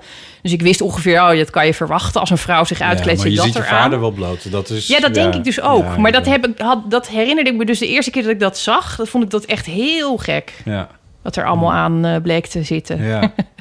Ja, Oh, wauw. het is later wel bijgetrokken hoor. dat Toen ik bent. in de gevangenis werkte, heb ik heel veel eh Oh, oh, penici kunnen inspecteren. Oh, oh ja. god. Vaak eh, ongevraagd ook, maar Oh, toch. oké. Ja. Waren dat MeToo-achtige situaties waar je dan in terecht Nee joh, in de gevangenis is het gewoon heel normaal dat eh, mannen dan... Ja, dat is niet MeToo-achtig, want het is, hoort bij de setting, zal ik maar zeggen. Wat een rare overgang, dit. Moet je er even uitknippen van een... Van, zit je net in je kinderleed? Het ineens over... Jij eh, begint over penis Ja, dat die je klopt. Maar ongevraagd... het is gewoon omdat het. Dat denken mensen nooit aan. Als je niet opgegroeid bent met een vader, is het heel gek als je. Dus heb je dat hele lichaamsbeeld eigenlijk niet. Dus dat Nee. wou ik er eigenlijk mee zeggen. Ja, ja nee, dat, dat, dat snap ik. En ja. nu komen we ineens weer uit op eh, gevangenispraktijken. Ja. Nee, het is gewoon gewoon. bij, bij, bij als je 500 mannen vastzet eh, in een kooitje, zou ik maar zeggen, dan gebeurt Ja. daar natuurlijk van alles, hormonaal en zo. Dus dat, daar pik je heus wel wat van op als je daar werkt. Ja, ja, ja. ja Dat precies. eh gold voor iedereen. En voor de vrouwen wat meer. En dan maakt het eigenlijk ook niet uit hoe je eruit zag. Dat was altijd het voordeel van de gevangenis. Als je binnenkwam, was je sowieso echt stunning. dat was echt, eh, ja. En daar moet je ook echt aan wennen. Als je, daar, als je dat niet eerder hebt meegemaakt. Dat is heel gek. Als je daar binnenloopt en, en al die ogen gaan naar jou... alsof jij ja, een soort lopend buffet bent. Ja, ja, ja. Dat is echt heel gek. Maar goed, gaat Oh, ook weer over. En je hebt er zelf verder weinig aan. Nee, ik zou net zeggen, ja, je kan het niet echt consumeren of zo. Nee, ik had daar ook geen eh, Nee. behoefte aan. Nee. Jeetje. Ja. Oké, Ipe heeft dus dus... toch helemaal het raad Dus Ja, ik, zal, ondertussen- ik zal die strip even laten zien dat dit is hem. En ehm, Oh, je hebt de vinger ook. Er zit één... Zo'n vinger die over een tong glijdt. Ja, dat is precies inderdaad Ja, daar, daar, daar gebeurt het. die ogen. Ja, dat is, deze moet je even in de show notes Ja, eh, die komt zetten. in de- nu. Oh ja, ja. Oh, dat is wel een goede inderdaad. Ja. Ja. Gaan we dat onthouden?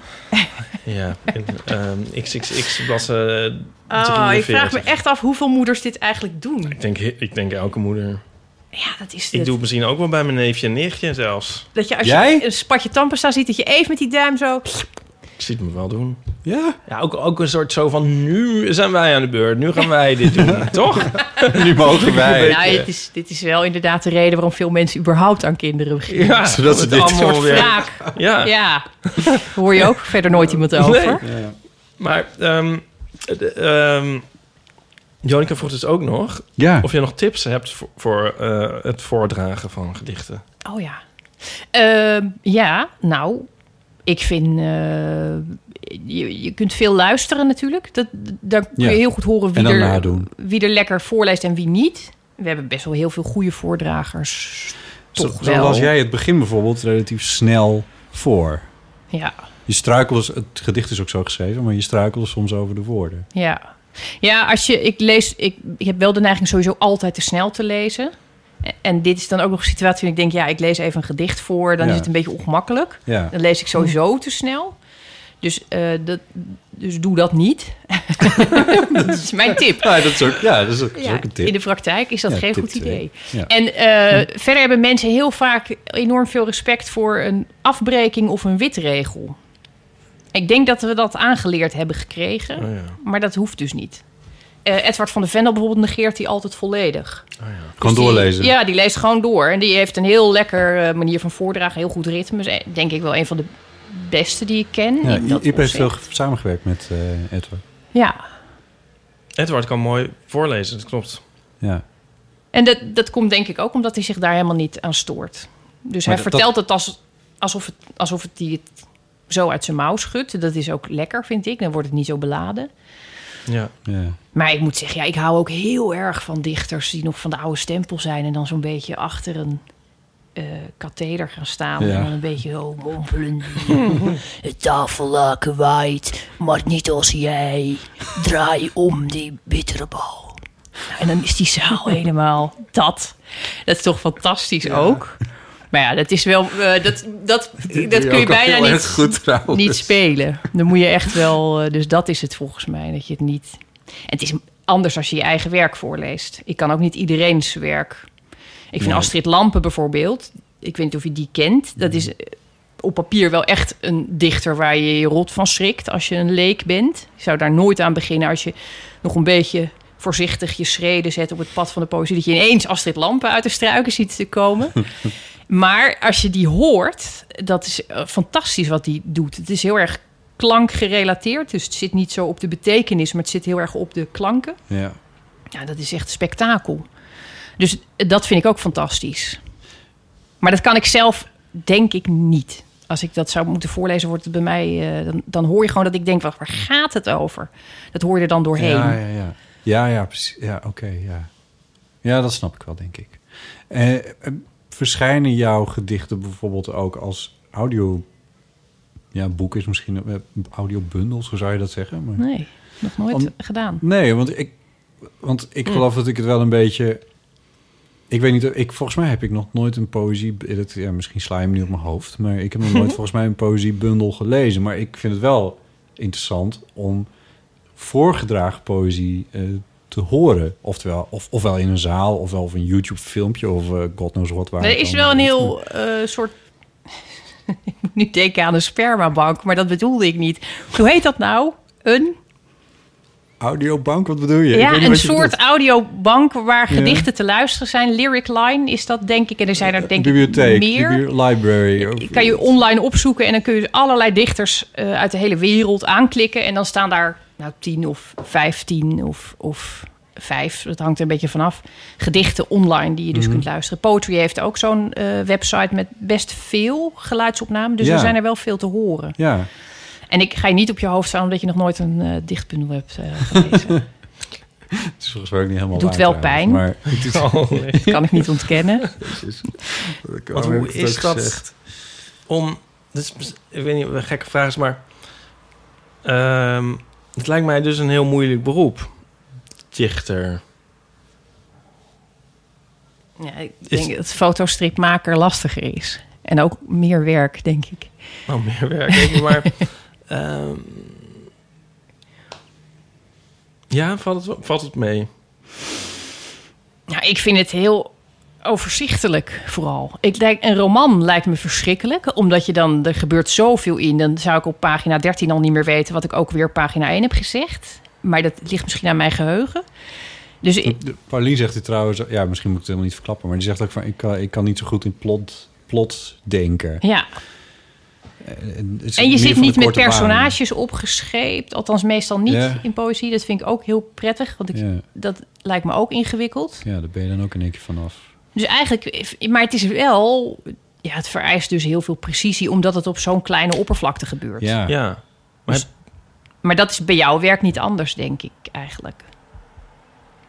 Of heb jij wel eens dat je een strip terugziet en dat je denkt, oh, wat stom ik had. En dat, Dat je dan sowieso. detail Hm. ziet waar. Ja, dat sowieso. Maar het is meer... Ik weet eigenlijk niet wat ik ermee wil zeggen. Maar hoe, hoe, is het... ehm, zeg maar, hoe, hoe is het klimaat van, eh, om, om dichter te zijn in... eh, want zijn mensen het ook niet altijd aan het vergelijken met romans? Of is er, is er genoeg... Is er genoeg aandacht en liefde voor? Nou, qua eh, de hoeveelheid mensen die gedichten schrijft, kun je het beter vergelijken nu met de hoeveelheid mensen die podcasts maakt. dat is ook enorm uitgedijd. Dat is met poëzie is natuurlijk wel het meest geschreven genre eigenlijk. Ja? Ja, dus de lijn tussen Ja. thuisschrijvers, zal ik maar zeggen, en, Ja. en uitgeverijschrijvers is heel dun.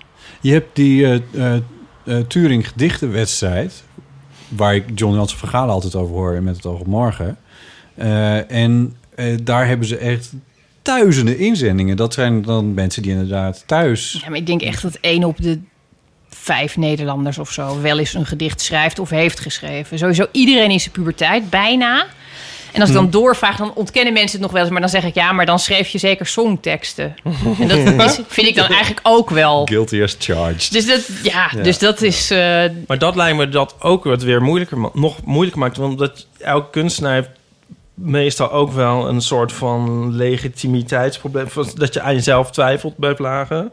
En als dan zoveel mensen dat ook doen, dan maakt dat dat misschien ook wel heel moeilijk. Ik bedoel, in in die zin is het voor mij weer makkelijk. Ik ben gewoon de enige. Zo'n beetje. Volgens mij staat in jouw, eh, in jouw, in jouw Twitter... Hoe heet Zet je bio? foto's maken des vaderland. Ja.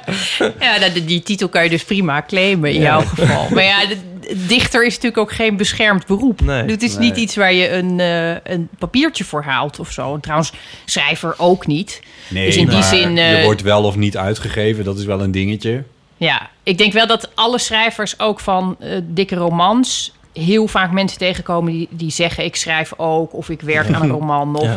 Ja. Of als ik toch eens een roman zou schrijven, nou ik heb zoveel te vertellen. Ja, en dat is bij dichters natuurlijk ook zo. Ja. En ja, ik, ik, heb, ik, ik heb in de loop der tijd geleerd te zien wat ik goed vind en wat niet en waarom. Ik kan dat ook vrij snel uitleggen aan mensen, dus zonder ze te beledigen, want dat is nergens voor nodig in de meeste gevallen. Nee.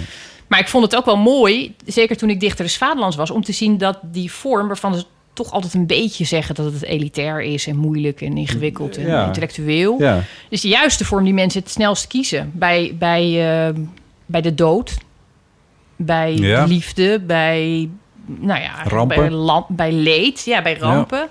En dat zag je ook heel vaak dus met MH17. Ja. Overal gedichten online, Ja. gewoon, gewoon van mensen die dat behoefte aan hadden om dat te doen.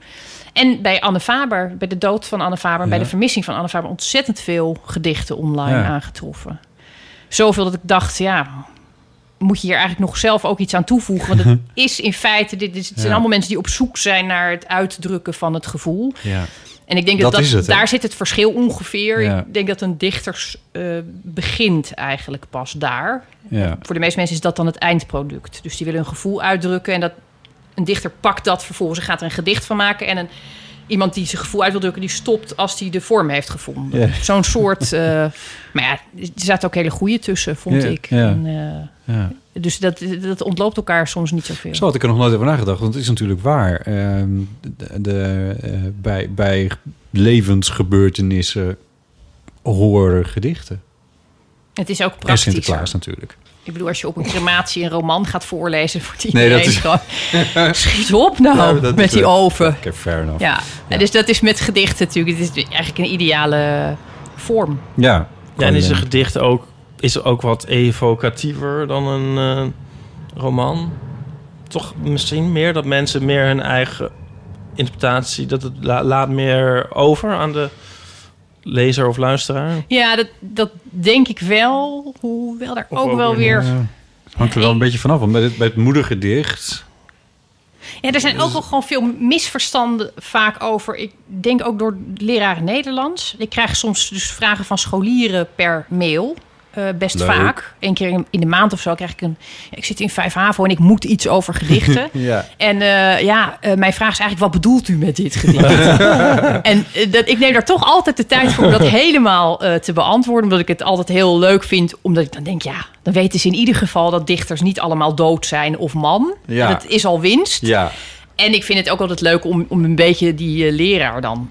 via die leerling een beetje die leraar op te leiden.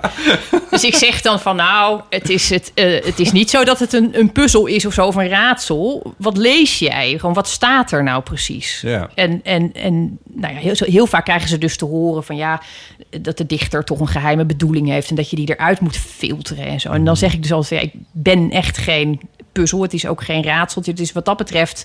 Maar het is ook niet zo dat je mag zeggen, ja, elk antwoord is goed, want het is een gedicht. Dat is natuurlijk niet Nee. hoe het, hoe het werkt. Nee. Maar ergens daartussenin. En dat luistert nou. Ja. Ja. en dat maakt het ook wel ingewikkeld. Meestal als ik naar scholen toe ga, ga ik het hebben over hele concrete dingen. Dus als ik naar een moeilijke school toe ga, dus, dus een school met een beetje onveilige sfeer. eh, vaak in de Randstad bijvoorbeeld heb je wel scholen waar, waar het gewoon niet prettig voelt in de klas. Ja. Dan zitten ze allemaal met die hoodies op, zo'n beetje norsig te kijken, omdat ze weer...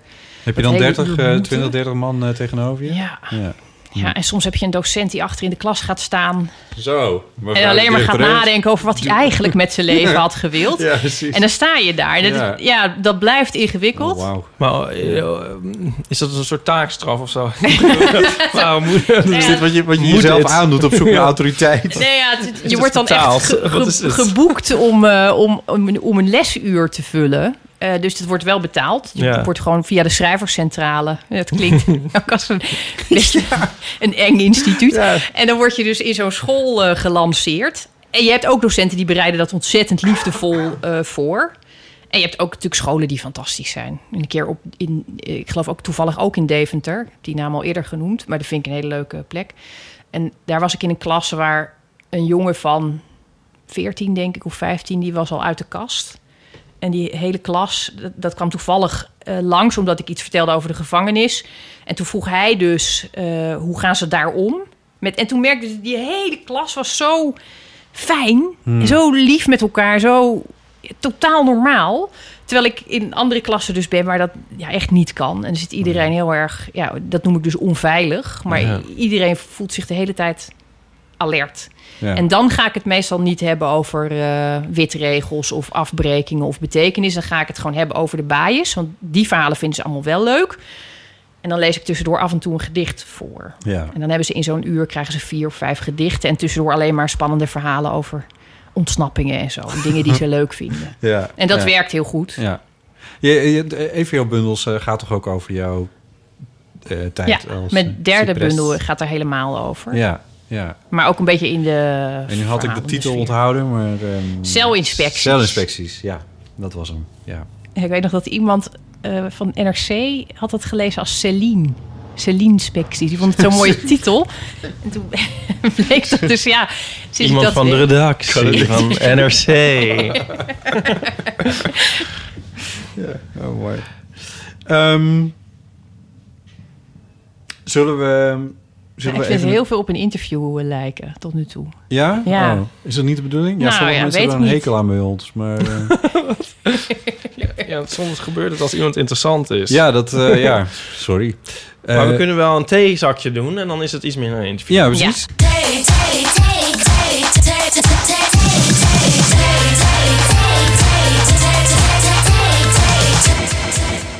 Ehm, even kijken, ik heb wat eh theelabeltjes eh, verzameld. niet. En ehm, daar mag je eentje uit kiezen. Esther. Ga ik, terwijl ik stug naar Ipe staar. Op de tast. Ja, op de tast.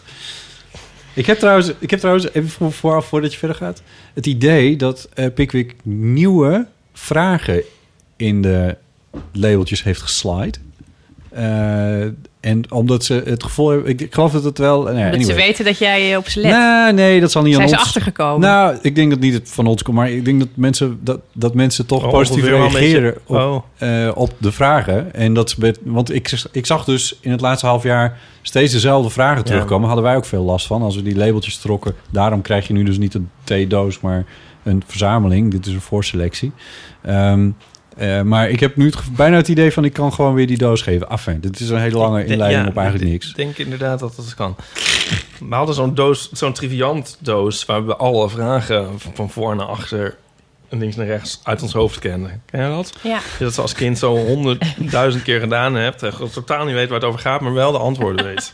Dat Nienke de Jong had het daar toch ook over? Die hadden dan een, een, een triviant ook nog van voor 1996 of zo. Ja. Hoe noemden ze dat nou?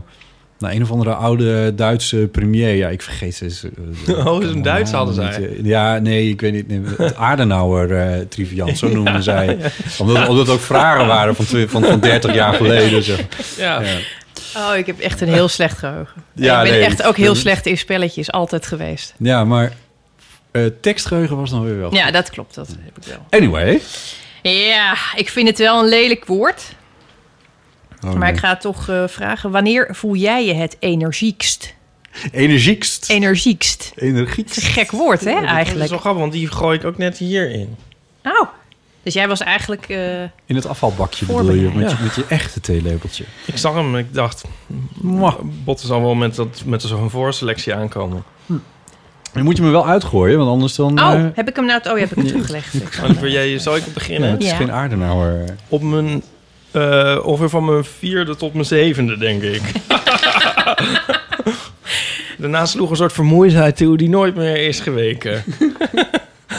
Oh, wat erg. Ja, maar wat, ik, wat moet je hier nou... Wat stond er Nou, nou? ik denk- Wanneer? Wanneer voel jij je het energiekst? Dat is ook niet zo Is dat een moment op de dag of in het jaar? Of, Nou, ik heb ooit geleerd dat je zo'n vraag eigenlijk niet mag stellen. Met de, wat voor je het mooiste of het beste? Of het, omdat je de overtreffende trap maak je het dat. heel moeilijk. Om Ja. mensen eerst in kaart moeten gaan brengen. Wanneer voel ik me eigenlijk allemaal energiek? Ja. En dan moeten ze dat gaan rangschikken. En dat duurt allemaal heel lang. Dat duurt lang en het is een gesloten vraag inderdaad. Ja. Want het kan alleen maar maandag uitkomen of zo. te mogen. Nee, het is, vanuit journalistiek oogpunt is het niet, niet zo'n heel geschikte vraag. Ik ben net weer door mijn jaarlijkse hypochondrische periode gegaan. Dat ik denk dat ik een slopende ziekte heb. Omdat ik, zeg maar... Of dat voelt alsof ik op een soort andere planeet ben met een, Een hogere, van zwaar- goud? hogere zwaartekracht. Dat ik een soort tegen de grond gedrukt ben van, van vermoeidheid en Zo zit je ook altijd in die stoel in de studio trouwens. Ja. en dan denk ik van, oh, ik moet echt naar de dokter en dit komt niet meer goed. En daarna denk ik van, oh nee, maar dit is dus volgens mij dus een soort vorm van hooikoorts. Die iets van vijf dagen aanhoudt. En dan is het ook weer het ergste weer geweest. Hebben jullie Ergens in mei. Ja. Oké. ja. Ehm, Dus nee. zeg maar, dit is eigenlijk meer van wanneer voel jij je het minst? Ja, inderdaad. Wat Ja. altijd een leukere vraag is. Toch Ja, ook. eigenlijk wel trouwens. Die kunnen we ook doen. Wanneer ben jij het meest naar de kloten? Nee, maar... Oh ja, maar jullie hebben niet. En als je dan ook... Dit is vast voor heel veel luisteraars herkenbaar, denk ik. Eh, je hebt dan eh, van die hooikoorts medicijnen. En dan, als je die dan inneemt, dan is het echt... Dan ben je een soort... Dan kun je echt van in coma raken. Daar word je zo moe van. Hey, ik herken hebben wel een geen- beetje. Want ik heb wel een beetje hooikoorts. Maar ik heb het meestal echt... eh, dat, dan heb ik, ga ik de hele dag... eh, krijg ik tranen in mijn ogen. Ja.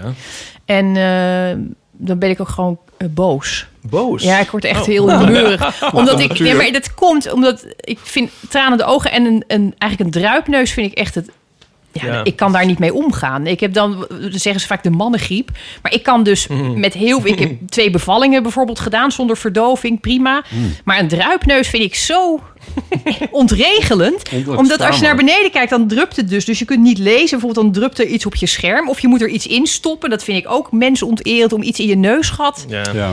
Dus, eh, dus ik word gewoon, als ik het krijg, word ik er gewoon voornamelijk echt een ontzettend humeurig Ja. persoon Oh, dat, herken, van. dat herken ik wel, ja. Ja, ook gewoon omdat ik de lente dan sowieso op dat moment ontzettend overdreven vind. Je kan het ook wat minder, ja. En dan waait er van dat pluis door de straten. Daar heeft Edward van de Vendel volgens mij ook een gedicht over... dat het zaad over straat waait. Of is het Ted van Lieshout? Een van de twee. Het zou ook Ted kunnen kan me zijn. beide goed Ja, voorstellen, het, ja. het is echt iets wat allebei zouden kunnen Ja? schrijven. Maar dat is omdat eh, dat- dan loop je dus door zo'n straat en dat ligt helemaal vol met van dat witte pluis. En niemand Ja. realiseert zich eigenlijk Van waar je dat doorheen loopt. onzedige, onzedige Ja, dat is gewoon, gewoon Ipe-sperma in Ja, feite. ik- Ipe- Nee, ja, dit klinkt heel raar. E, de, jouw De naam is boom. Ja, de boom. In dit geval. Ja, ja. Ja. Het wordt heel zedeloos. De Iep. Ben je Oh. daar allergisch voor? Dus, Wat curieus. dat Ja. vind ik ook heel Ja. verwarrend. Ik heb wel zo, zo als ehm, Dus je bent allergisch voor Ipe. kind, ja, heb ik zo'n... Ik kreeg je, hoe, heet, hoe noemden ze dat nou? Schrapjes of zo? Toen gingen ze testen waar je allemaal allergisch voor was. Hm? En ehm, Ja, dan plakken ze dat op je huid met allemaal verschillende Ja. stofjes. ja, van alle bomen en dingen. En van alle sampletjes die er waren, heb jij de Iep ook gekregen? Ja, ja Oké. ik vond het wel leuk. Ik ken toch niet heel veel mensen die allergisch zijn voor Hun specifiek eigen naam. Iep. Iepen. Nee. Nee, ik eet dus weer geen, ik eet geen eh, bepaald soort vis. Nee. Nou ja. Maar goed. Eh minst energiek, meest energiek. Meestal is- Oh ja. Eh, meest Wanneer voel jij je het energiekst? Ik weet nog een antwoord. Ik word ook altijd om een uur of twaalf s'nachts ook helemaal wakker. Op je best. Ja, en dan denk ik van nog even photoshoppen of zo. En dan is er geen spoor meer van enige vermoeidheid en zo. En dan is Echt? het eigenlijk ook het lekkerste moment van de nacht dan eigenlijk. Maar Hoe lang eh, gaat dat door? nou ja, ik probeer me dan te bedwingen. Dus dan tot, om te zorgen dat ik toch wel om twee uur dan in bed lig. Alleen dan ben ik natuurlijk helemaal een soort fired up en lig ik zo in bed zo. Ja, ja. kan ik niet meer slapen. Nee, ja. Ja, Ja. dat is sowieso, vind ik, wel heel lastig. Dat, eh, dat, eh, ik ben dus zelf getrouwd met een, met een, eh, met een, een, een uit het ritme lopende man. Oh. Die dus heel kort slaapt en ook eigenlijk heel laat. Dus zijn natuurlijke slaaptijd is denk ik een uur of vier. Je Gaat bedoelt hij dus uit normaal- jouw ritme? Ja, nou, ook een beetje uit het algemeen bekende ritme. Dus hij is wel vaak... maatschappelijk, geaccepteerde Ja, ritme. en, en dus daar hebben wij thuis ook wel eens over dat het toch eigenlijk heel oneerlijk is dat mensen die een natuurlijk ritme hebben wat later ligt, het best lastig hebben als er weer een vergadering om half negen 's ochtends wordt Ja. gepland, bijvoorbeeld. En dat heeft jouw man. Die heeft dat af en toe.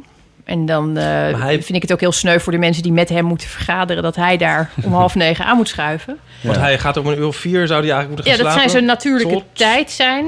Nou, ik denk tot een uur of tien, elf. Oh ja. Ja. Ja. Dus ik vind dat heel schappelijk. Ik vind het ook een korte slaap. Dus dit- ik heb echt acht uur nodig of meer. Maar ik kan met zes uur prima functioneren. Hmm. Maar het is... eh, Ja, en je hebt dus nacht en avond. Ik heb dus thuis twee kinderen van één een avondmens is. Dus vanaf een uur of acht is het... eh, woehoe, eh, bring on the party. en die andere, die kan dus helemaal niet tegen te laat naar bed. Oh. Je wordt er echt een humeurig oud mannetje van. Dus je ziet hoe dat zit gewoon in je Ja. systeem. En dat, dat vind ik dus wel soms sneu. Dat, zoals Ipe dan zijn, eigenlijk zijn energiekste moment heeft... buiten kantooruren. Ja.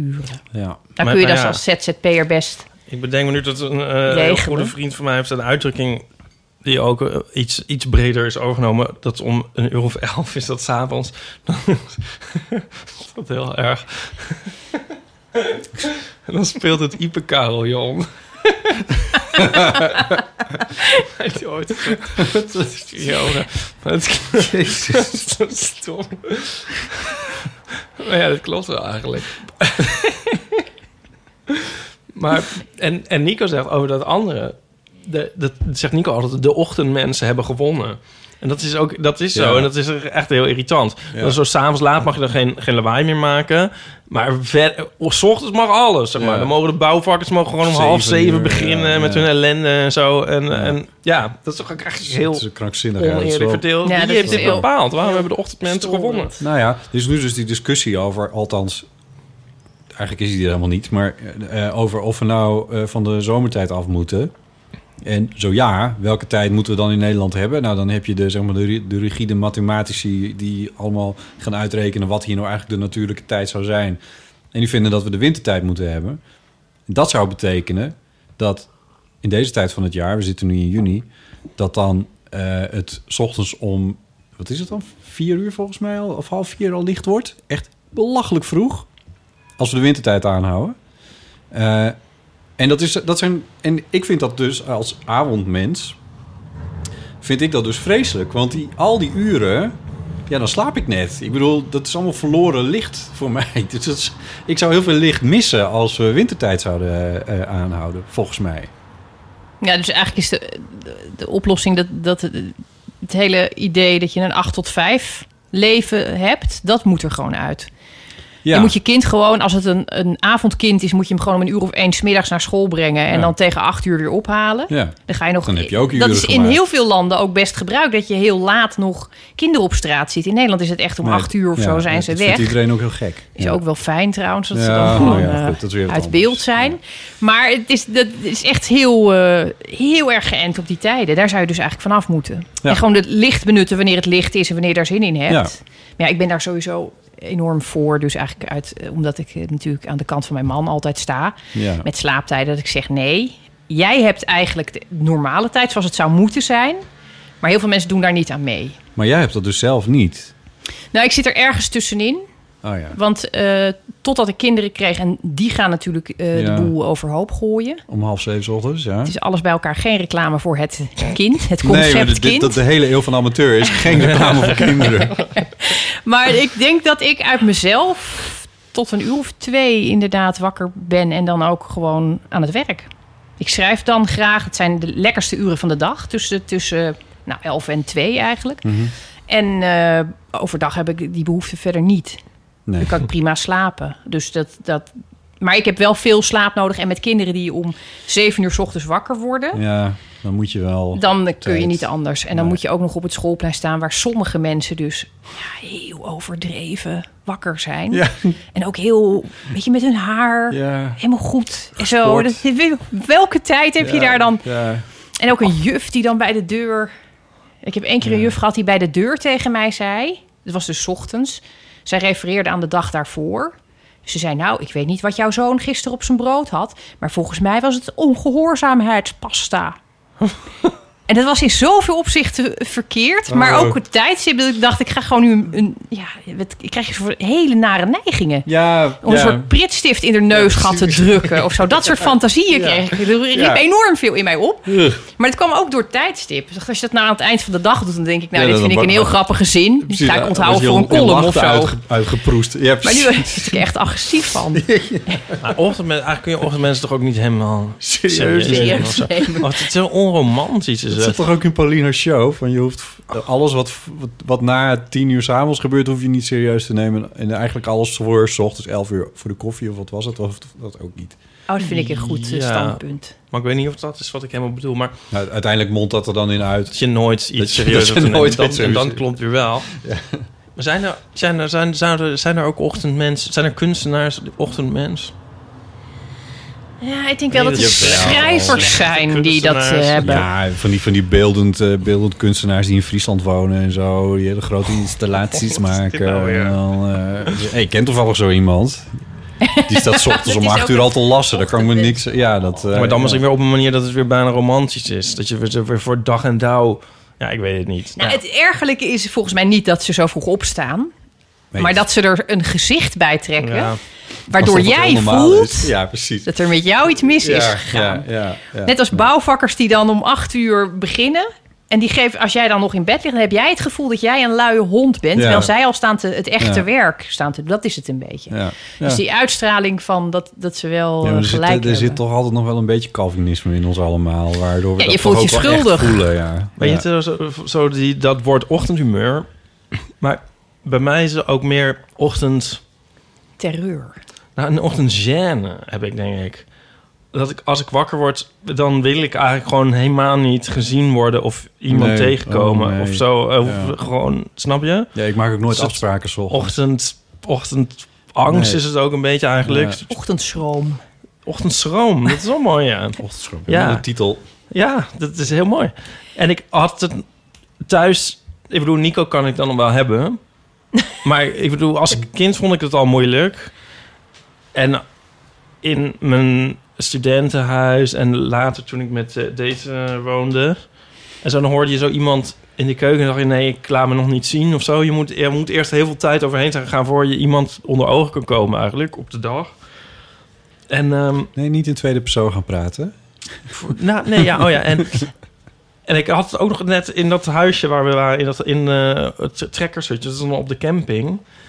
En dan word je wakker en dan hoor je al wat mensen, hoor je wat, er was bijna niemand, maar toch nog net hoor je wat mensen zeggen. En dan denk je van, oh nee, nog niet.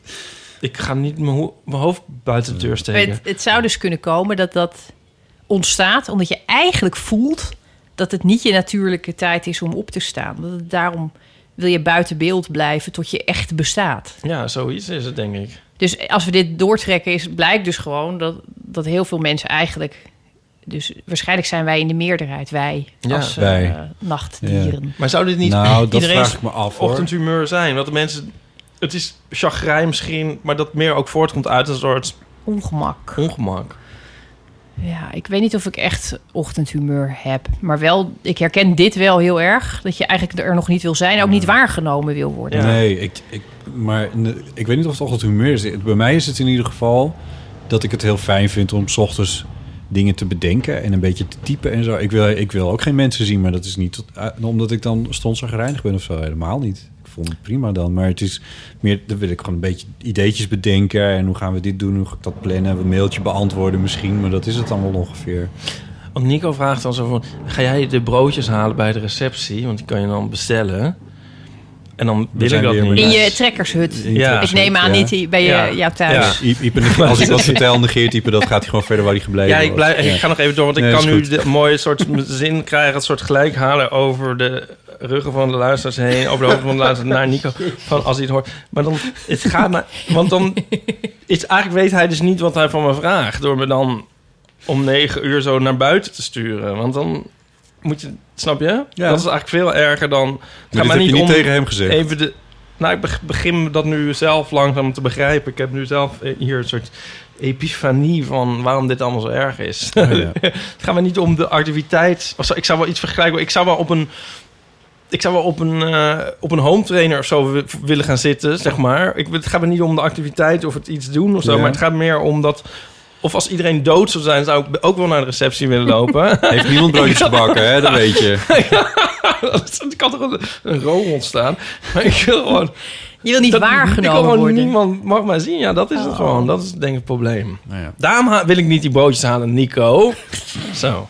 Sorry, jij zei ook iets, maar ik had het even, moest het even, ik zat hier even over na te denken. Nee. Het is ook wel goed om af en toe te laten merken binnen je relatie... wat je allemaal eigenlijk voor elkaar over hebt... zonder dat je wist dat het iets was wat je voor elkaar over had. Hmm. Toch? Ja, je kijkt naar mij. Ik heb geen relatie, dus ik weet het soort shit helemaal niet. En, en ik begreep het niet.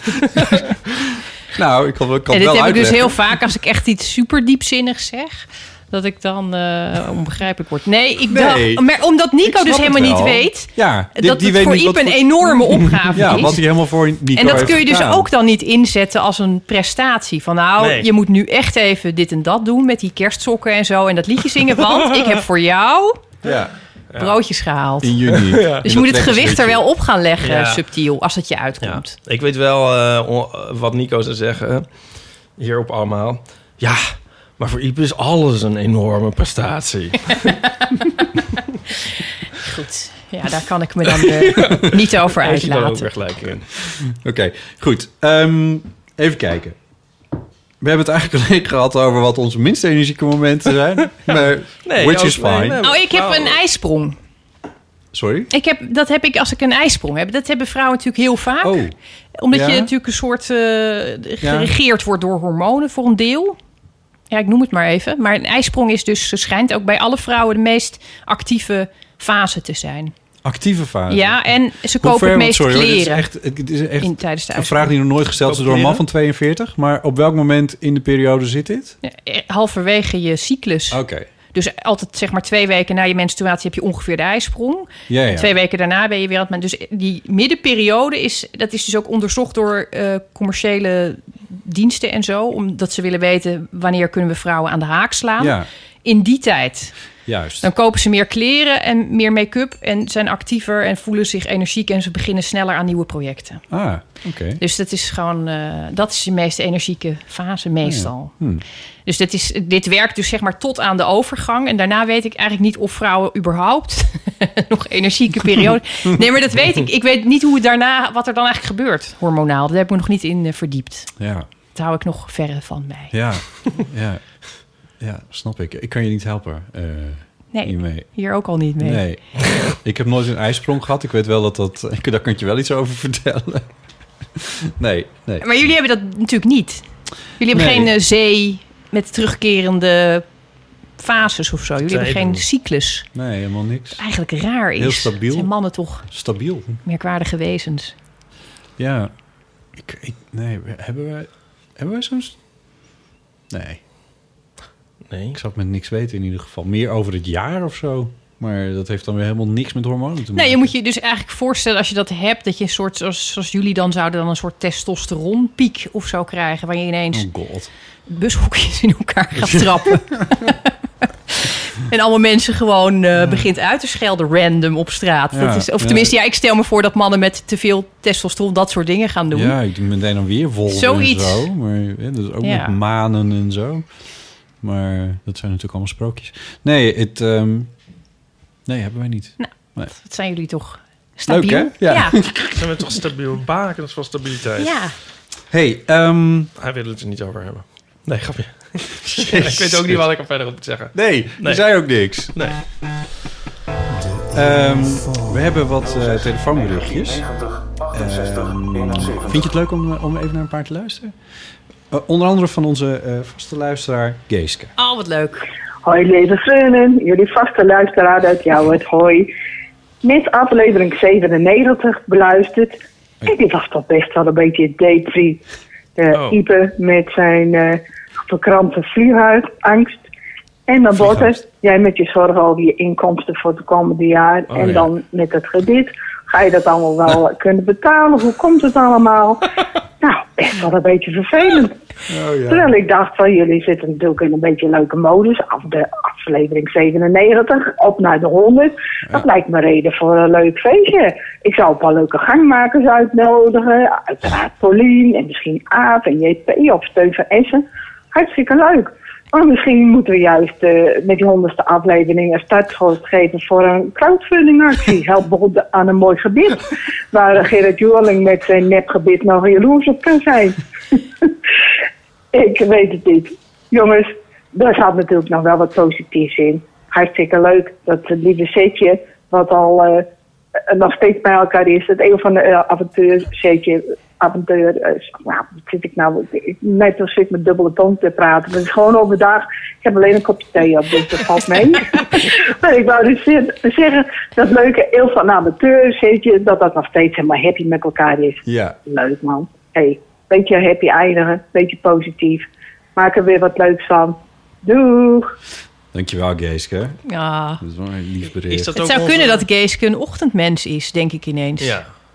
Of gewoon een uitgesloten. altijdmens. Maar ze zou Altijd net zo goed een mens. avondmens kunnen zijn. Ik denk dat ze gewoon de hele dag zo is. En, en als er een atoombom valt, dat zij nog steeds ziet. Er zijn ook nog bloemenjongens. Het is toch er is altijd nog iets moois om Ja, aan te wijzen. beetje- ja, Dat zou best kunnen, hoor. voor- zij heeft ook best een, een heftige periode achter de rug... waar het even niet zo goed, zo goed met haar ging. Dat heeft ze ook wel verteld. En eh, nu klinkt ze toch wel... Nu, vindt ze ons heel depri. Nou ja, Is het ook niet, heel, is het ook niet Fries? Depri zijn? wat een of beetje nee, de, de... optimistisch. Ja, optimistisch. Beetje de sfeer erin houden. Ja. Ik, kan, ik kan me de Friese eigenlijk niet zo voorstellen als een, als een eh, optimistisch volk. Maar Nee? Nou, als je in Friesland gaat wonen... dan moet er toch wel een soort van kern van optimisme in je zitten.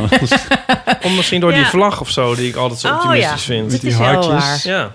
Blije, Eh, ja, blije ik, zie, ik zie mensen, ik zie eh, gezonde blonde mensen die eh, door weilanden springen met stokken en zo. En eh, de zon schijnt en mensen zijn aan het varen. Ja. Dat zie ik voor me. ja, als ik de wat meer depressieve Friesen die verhuizen naar Amsterdam. Ja, En eh, ja, want die dynamiek, al, inderdaad moeten wij gewoon gast hebben. Want als wij samen zijn, dan zijn we, zitten we altijd zitten we super, super depressief.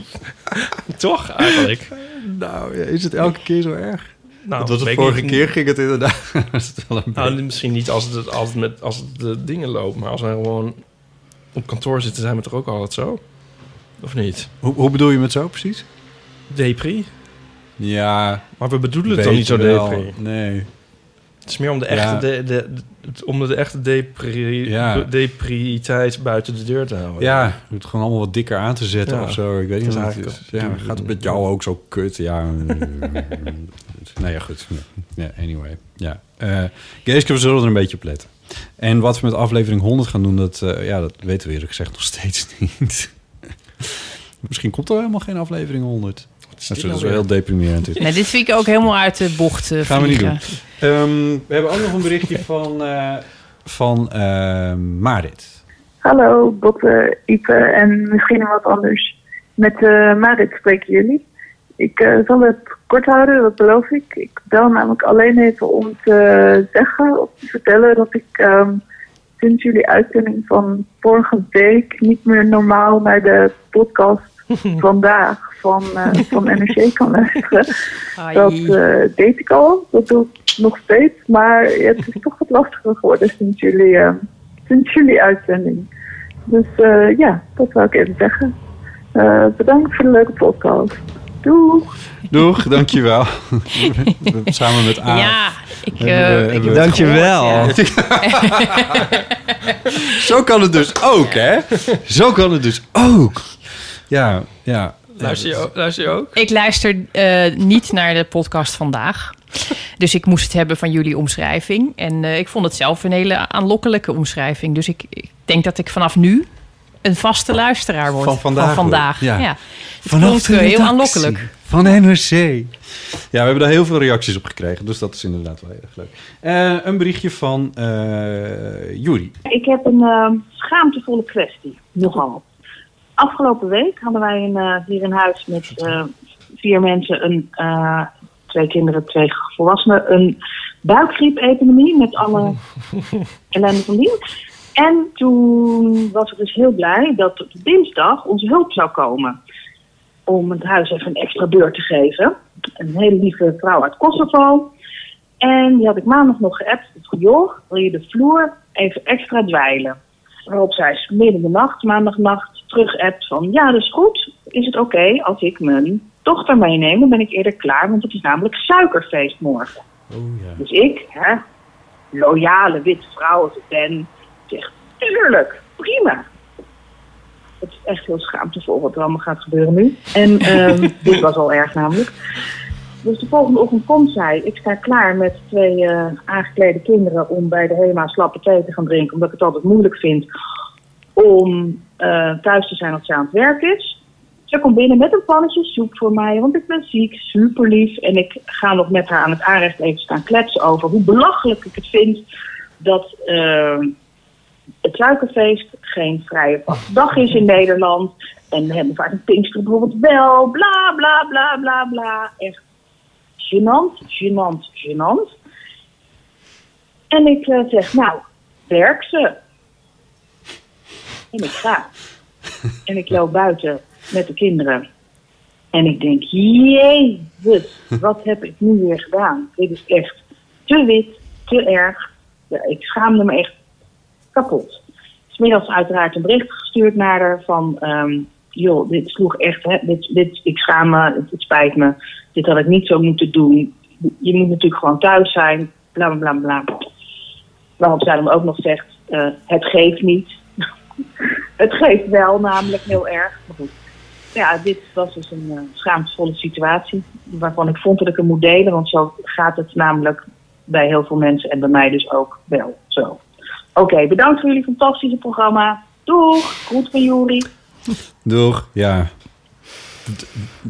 Dan gewoon wel je, je hulp aan het werk zetten, inderdaad. Dat is de clue natuurlijk. Ehm, ja, ja. Eh, dit delen helpt misschien wel weer in het verzachten van het leed. Ja, ik denk dat het ook heel, wel een heel herkenbaar ongemak is. Ja, Ik heb het echt op heel veel vlakken dat ik me overbewust ben van gebruik ik nu de juiste terminologie. Hmm. En ik, ja, het wordt ook steeds ingewikkelder voor mijn gevoel. Dus ik, eh, maar is dat, dat je dan bij dit soort relatief overzichtelijke situaties de fout ingaat, vind ik eigenlijk best begrijpelijk. Ja, het is een heel voorstelbare situatie inderdaad. Nou, ik vind, eh, ja, goed. Het, het zal er niet de tweede keer over Nou, ik kan dus heel slecht tegen mensen die heel erg ongemakkelijk of beschaamd zijn. Daar heb ik enorm... eh, Spiegelneuronen. ja, dat vind ik Ja. echt heel vervelend. Omdat ik dan... Dat wil ik altijd gewoon oplossen. Ja. Ik heb het ook wel eens als ik in een bus zit of zo... en iemand eh, die heeft dan... Nou ja, dat was vroeger zo. Dan had iemand bijvoorbeeld niet afgestempeld of zo. In de tijd dat er nog gestempeld werd. Oh ja. Toen ik eh, jong was. En dan eh, werd daar dus door sommige buschauffeurs werd daar dus iets van gezegd op een hele kleinerende manier. Dat vond ik ook altijd heel erg. Terwijl ik die zwartrijder, of moet je zeggen rijder van kleur, eh, dan ook niet natuurlijk niet goed vond. Vond het natuurlijk niet goed dat hij dat had gedaan. Maar ik vond het zo naar dat iemand dan gekleineerd Ja. wordt voor een groep. Ja. Dat ik dan toch de behoefte heb om dat op te gaan lossen of Ja. daarvoor te gaan staan. Dus als ik dit hoor, als iemand zo bijna in elkaar krimpt van schaamte, dan vind ik dat zo erg dat ik dan gelijk daardoor... Nou ja, als je je hard genoeg schaamt... is je misdaad ook wel min of meer vereffend een beetje. Ja, dat is, is dit straf voor, voor zoiets? Schaamte? Ik vind schaamte echt een verschrikkelijke Ja, het emotie, is een toch? afschuwelijke. Het is een ja. verschrikkelijke emotie, maar ja... Het is wel de ergste straf die je jezelf kunt geven, Ja, denk dat- ik. Ja, ja, ja, ja, ik denk het eigenlijk ook. En dan ook wel. nog openbaar boete doen. Het is eigenlijk een heel middeleeuwse eh, inbeller. Ja. Deze, deze rubriek, zeg maar, die begonnen dus een beetje mee met van het, het vreselijke aan schaamte is dat het zo slecht slijt. En dat je, als je echt schaamte herinnert, dan voel je ook weer die schaamte.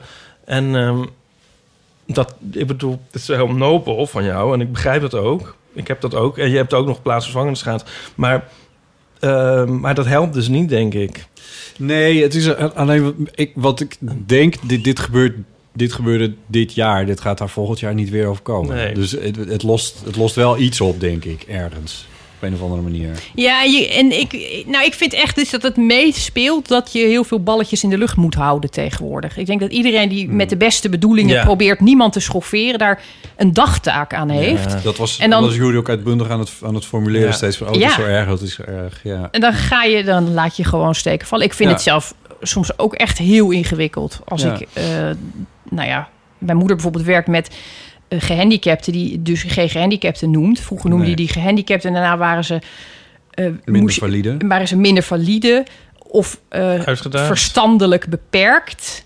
En dat mag je dan op een gegeven moment ook niet meer zeggen. En dat, is, en dat maakt het heel lastig. Want het, zij werkt met mensen met een eh, niveau van 2 à 3 jaar. Dus de ontwikkeling van een 2 à 3-jarige in een volwassen lijf. Dat is wel wat beperkend. En dat geeft best wel heftige Ja. eh, scènes. Dus ik ben daar wel eens geweest toen ze daar aan het eten geven was. En er zitten daar hele grote kerels aan tafel te brullen en te kwijlen en over tafel te, te hangen en zo. En dat is best moeilijk om Ja. je daartoe te verhouden zonder dat het. Nou ja. Ja. Het is heel ongemakkelijk, omdat je, ik, je wil zo graag uitstralen dat je daar heel goed in bent en begripvol en tuurlijk en iedereen mag er zijn. Maar je hebt ook nog gewoon emoties. Ja. Ja. en je zit naast zo'n heel groot lijf dat heel erg over je heen brult. En daar reageer je ook op. Ja, natuurlijk. Nou, en dat, dat soort scènes, dat heb je, nou ja, dat is dan beperkt tot, tot een specifieke groep. Die ook min of meer uit de maatschappij werd gehouden. Dat is gelukkig steeds Ja, iets ja. meer, maar dan nog Ja. steeds is het wel een aparte categorie. Maar in het dagelijks leven heb je natuurlijk voortdurend het, het Nou ja. eh, voorkomen en het vermijden van ongemakkelijke. Ipe en ik bewegen ons natuurlijk eh, wel enigszins in het... eh, in de, gaat de, zeggen? de regenbooggemeenschap. Oh, kom. Echt? En, eh, en eh, ik bedoel, ik noem het al regenbooggemeenschap... omdat ik, omdat ik die, die afkorting is al... daarmee ga je al meteen de mist in. Eh LHBT. En dan komt er dan nog een I... en komt er dan nog een... Q en een P en een A en een U en, een, en moet nog een plusje erachter voor de zekerheid. En die, de- het gaat zo snel mis als je je daarin eh, in die, die gender en, en, en geaardheids eh, eh, begeeft. Maar ja, dat je ontkomt er ook niet aan. Maar die, die mm, dat is wel zo. Dat is een soort mijnenveld, in a way. Maar daar zou ik niet zo snel last van schaamte... omdat ik daar wel weer zelf een eigen Ja. mening over Ja. heb. Nou, en omdat je er onderdeel van bent natuurlijk. We staan er niet buiten. Het gaat over onszelf. Als het over die regenboog... Ja, maar dat is ook weer... Dat weet je ook maar nooit of, of dat naar iedereen's maatstaven Nee, wel dat zo is- nee. Maar, Oké. maar schaamte zo van dat je vraagt van... ehm, hoe is het met uw man? Ja, die is eh, al twee jaar dood of zo. Dat is een soort schaamte van, dit gaat nooit meer over. Nee, dat- nee, dat, kan helpt niks. Het enige wat dan helpt is een slecht geheugen. Of hopen dat diegene zelf een keer doodgaat en dat niemand het meer weet. En dat je denkt, nou ja, dat weet verder. Gelukkig weet niemand dat meer. Daar zijn we nu van af. Dat Of kunnen we in, hoe zou jij in het? principe schrappen. Over, over een jaar of 150, als jij er al lang niet meer bent. Dat al die schaamte, dat ieder, en iedereen die jou kent, is dan ook al dood. Dan Ja. is eindelijk alles Dus opgelost. eindelijk alles opgelost. Maar schaamte is inderdaad heel vreselijk, ja. Ja. Maar, nou ja, dit, dit, dit, ja, is het, ja, dit is ja, was wel erg, maar misschien ook niet. Dit is, ja, Nou, ik denk omdat het dit ook eigenlijk op het vlak van de inclusiviteit Ja. zit, Ja. deze Ja. schaamte. Daarom doet het mij dus denken aan al die ongemakkelijke terminologie die je dan bij moet houden en die je soms niet snapt. En, en, Ja. eh, Nee. en wat ook dan gebeurt, is dat het een soort omklapt van het punt waarop mensen zich buitengesloten voelen, naar je bent automatisch buitengesloten als je niet genoemd wordt. Dus op een gegeven moment ben je heel lang bezig om alle soorten en maten te noemen, Mhm. zodat iedereen zich Ja, benoemd voelt. ja. Terwijl ik, je kan er ook van uitgaan dat in principe wordt, nou ja, weet je, het impliciet kan ook iedereen bedoeld zijn. Ja, nou ja, Anders er krijg je nu- van die, weet je, dan heb je een fietsbordje langs een fietspad staat dan een, een bord met een fiets erop, en dan gaan mensen klagen van ja, dan, het is heel confronterend voor mensen die niet kunnen fietsen.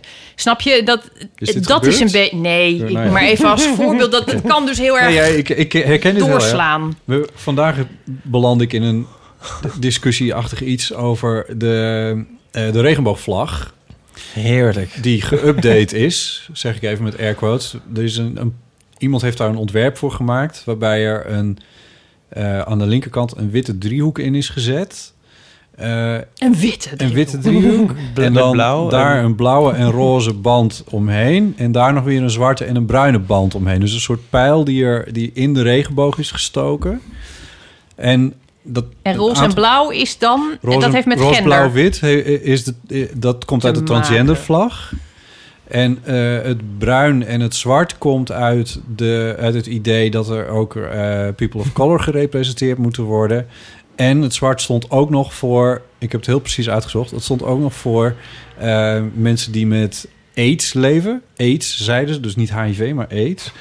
En eh, of die daar eh, eh, zelfs aan zijn overleden. Dus dat, die moesten er ook mee gerepresenteerd worden. En het probleem is, hiermee vond ik in ieder geval, de regenboogvlag, die banen die daarin staan, die zes, die representeren niet individueel iets.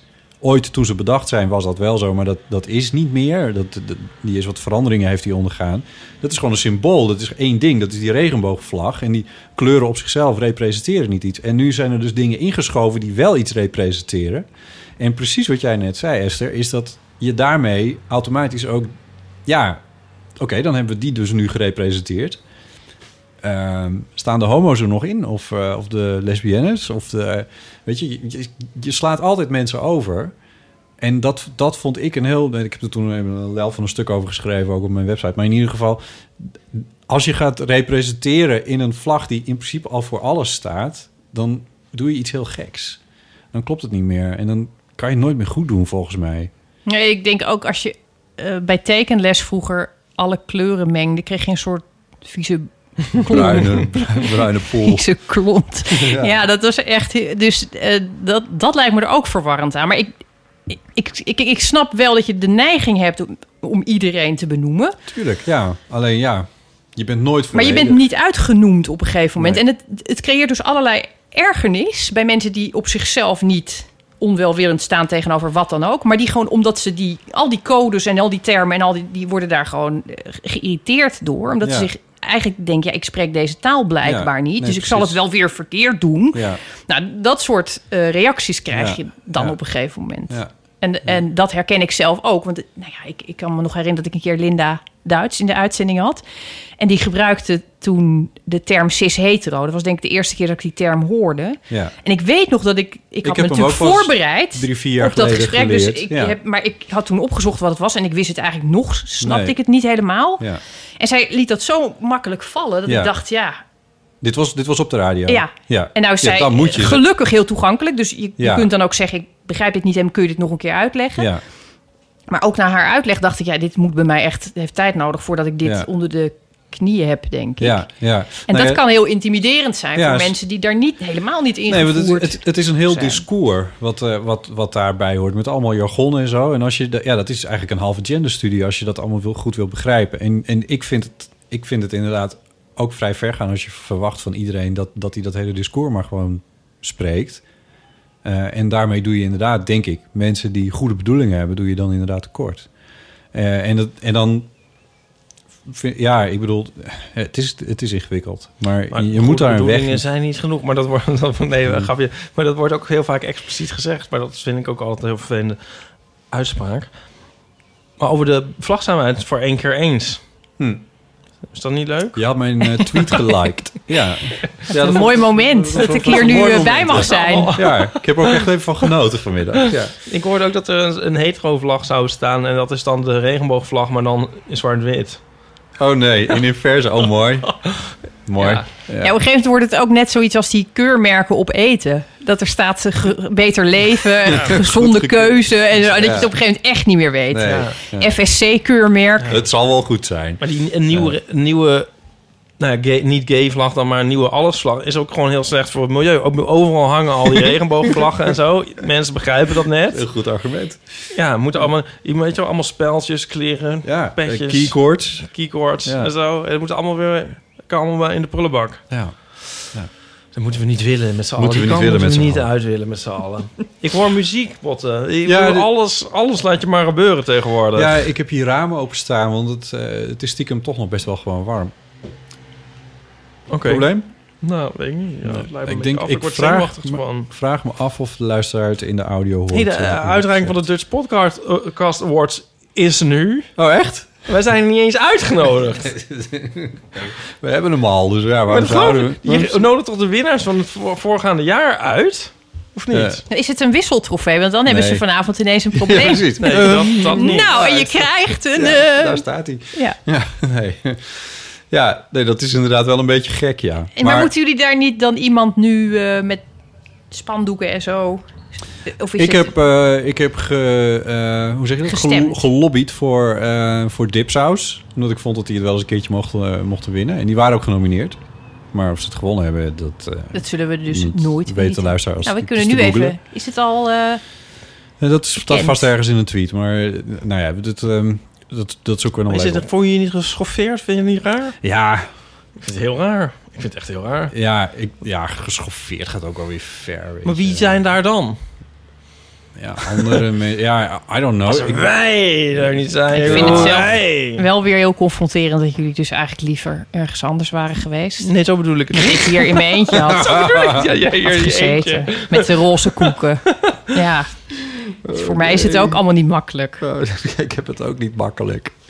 Ja, nee, nee, is natuurlijk ook zo. Maar het is toch ook raar als jij zeg maar eh, eh, opvolger, dichter des vaderlands, die wordt benoemd en zo. En eh, ja, Nou, daar was ik dus niet bij, maar dat was eh, Oh. zelf gekozen. En niet uit eh, haat naar het Tseert. Oh. Tseert, als je luistert. Shit, Brunja. Ja. Ehm, Bruin, ja, Brunja. Maar ja, Ja, maar wel met heel veel, uitnodiging. heel, veel prij- heel veel prijzen die ik heb gehad. Nou, ik, ik denk wel 80% van de prijzen die ik heb gehad... ben ik wel bij geweest als de volgende ze Ja. Ja. Ja, ja weet je, ik vind het ook stom, maar ja, ik bedoel, ja, hun keuze. Ja, nou, maar ik wil dat gewoon Ik even. denk Ik, dat vind het gewoon leuk om dat in de uitzending te zetten. afstraalt op dat hun feestje dat wij er niet zijn. Ja, maar ik vind ook zo, ik vind ook een soort devaluatie van de. Daar zal ik Ja, je er nog wat van- over vertellen. Ja, De categorie waarin wij gewonnen hebben. ja die is media. Ja. Oh, daarom zijn jullie er niet. Nee, maar dat is dan Ja. dus het antwoord. Zo allemaal Ze nieuwe hebben die hele categorie bedacht. opgeheven. En ze willen er dus ook niet aan herinnerd worden dat die categorie Ooit, bestond. En ik heb een foto gezien van de awards. Dit is een Ja. soort opvouwbaar plastic dingetje. Ja. Nou, nou ga je. Dat, dat vind ik nou weer niet. Dat vind ik nou weer niet goed. Dit vond je een schitterend ding. Nee. Dat staat hier te pronken. Ik ben er heel trots op dat ik Weet je hem nu een mooiere? Maar mooi, ja. Ze hebben Oh. nu echt veel mooier. Wat hebben ze nu? Ja, dat is Oh, we zijn hier helemaal door geobsedeerd. plastic. leuk, dat je er, leuk dat je er was. We gaan het nu hebben over de podcast award. Nee. Stop er, hou er nu ook op. Winnaars, van harte gefeliciteerd. Superleuk. Eh, ja, nee, dat wel. Dat Ja, wel. Maar ik vind ja. gewoon die organisatie gek. Ja, Ja. Het gaat me ook dat we niet nog een keer genomineerd zijn of zo. Dat je hem niet nog een keer krijgt. Maar ik verwacht wel Dat je erbij Dat bent. je erbij bent. Zo van, nou, die had het vorig jaar. Je krijgt nog één avond een gratis drank. En dan het jaar daarna hoeven we niet, we hoeven niet tot in even of zo. Maar dit is te snel. Maar de Oscar-uitreiking, ik neem maar even een vergelijking. Dan zit toch ook de winnaar van, van beste regisseur van vorig jaar. Die, die zit dan toch ook daar weer. Ieper, we Nou, moeten door. Ik heb, ja. eh, ik heb Nee, ik Oh, sorry. Ja. Eh, luister, eh, vorige keer... Heb je het nog gehoord uiteindelijk? Die, eh, dat verhaal van Hanneke? Oh, ja. Ik bedoel, ja. Oké, dit Ja. is een verhaal. Er was een... Volgens mij was het nog een ander meisje daarvoor ook... dat, eh, dat zei van... eh, dat, wat bij, in, de aflevering met Aaf zat... er- Waarom kijk je? Wat, Ja, het gaat- lijkt me heel erg af inmiddels. Alles ben jij nou... Hoe heet het ook weer? Misofoon aan het worden? Misofoon. Latere leeftijd word ik misofoon. Nu doe je een raam dicht en je kijkt toch nog Je even... hebt een hele knappe jongen. Ja, precies. Ja. Dat is knap. Me maakt. wel leren kennen door gewoon al die afleveringen te beluisteren. Je ziet In de dwars aflevering met... Ook als, let op. als mijn moeder. Let op. In de aflevering met Aaf zat een, zat een eh, jong meisje dat zich afvroeg van... moet ik nou eh, gaan voor eh, hoge scores en alles uit mijn leven halen? En ik, weet, ik ben eerlijk gezegd even een klein beetje kwijt hoe het exact zat. En toen heeft vorige week heeft Hanneke gereageerd uit Groningen. En die hield een heel mooi verhaal. Daar heb ik toen de aflevering mee afgesloten. Oh, ja, dat was het heel lang. Dat was een heel, ja, dat was veel te Niks lang. ten nadele van... kon eh, echt niet, maar ik, maar toen, nou ja, ik, had- ik was in ieder Ze geval. zeiden dat er nog zoveel wilde je was in een royale leven. bui. Je dacht, ik doe Ja. het gewoon Nou, integraal. Ik wou positief afsluiten, die aflevering. en, eh, ik heb, Speciaal voor Geeske. ja, en eh, nee, maar het, ik, vond ook, ik vond het echt wel een bijzonder eh, geformuleerd eh, verhaal, eerlijk gezegd. Ik vind achteraf dat je het had moeten veden. Jezus. nou, in ieder geval, daar reageert nu Marjolein op. Hallo, met eh Marjolein. Ik eh, wilde even oh, eh, reageren op eh, de voicemail van eh, Hanneke van de vorige keer. Ik ben eh, docent eh, BEVO, zoals jullie dat noemen. Maar, eh, dus ik geef eh kunstbeeldend en ook kunstgeschiedenis op een middelbare school. En eh, mijn docentenhart ging eh, wel eh, harder kloppen van het berichtje van Hanneke. Want ik dacht, oh, het is zo'n meisje met hart voor cultuur en voor kunst. En ze doet van alles. En ik zie ook meteen gelukkig wat gezichten van eigen leerlingen voor me. Maar aan de andere kant dacht ik, ach meisje toch, je moet niet zoveel moeten van jezelf. En ze zei zelf al, ik moet dingen loslaten. En volgens mij moet ze vooral doen. En eh, niet alleen uh, buitenschool, maar ook op school. Vooral heel veel energie steken in de dingen waar ze ook echt weer energie uit krijgt. Waar ze blij van wordt, die ze leuk vindt, die ze interessant vindt. En ehm dingen eh, die je, nou ja, soms moet je ook dingen doen op school die je misschien niet zo leuk vindt, maar omdat in het algemeen men bedacht heeft dat dat moet, dan mag je ook best wel eens gewoon genoegen nemen met een zes. En misschien is het raar dat ik dat als docent zeg, maar ik eh, denk echt dat je niet kan, eh, goed kan eh, presteren of goed kan worden in wat je wil worden eh, zonder op tijd te ontspannen. En natuurlijk zeggen docenten altijd dat hun vak het allerbelangrijkste is. Maar volgens mij is voor iedereen zijn andere vakken belangrijk. En doe vooral gewoon steek de meeste energie in de dingen die jij zelf het belangrijkste vindt. Want volgens mij wordt iedereen daar het gelukkigst van. En ja, ik denk dat het met Hanneke allemaal goed gaat komen. Want het is gewoon, eh, ik werd helemaal blij van haar. Maar ik dacht wel, uh, loop jezelf niet voorbij, want daar ben je nog veel te jong voor. En je hebt nog heel veel tijd om al die boeken te lezen en films te kijken en musea te bezoeken. En uh, nou ja, gewoon de dingen doen waar je blij van wordt. En ik denk ook dat uh, dat bedoelde met Landen van echt niet van ga alleen maar op de bank liggen met een zak chips. Doe dat als je daar zin in hebt, maar doe vooral dingen waar je gelukkig van wordt. Nou, dat was hij weer en ik luister graag naar je. Doei! Doei, dankjewel Marjolein. Dat is een mooi bericht. Ja, dat was inderdaad wat Aaf zei van... Uh, ga toch je vredesnaam als je jong bent uh, zesjes halen... En, uh, en doe de dingen waar je zin in hebt. Want de rest dat komt later vanzelf. en het is dus grappig dat een docent op een middelbare school... dat eigenlijk ook een beetje zegt.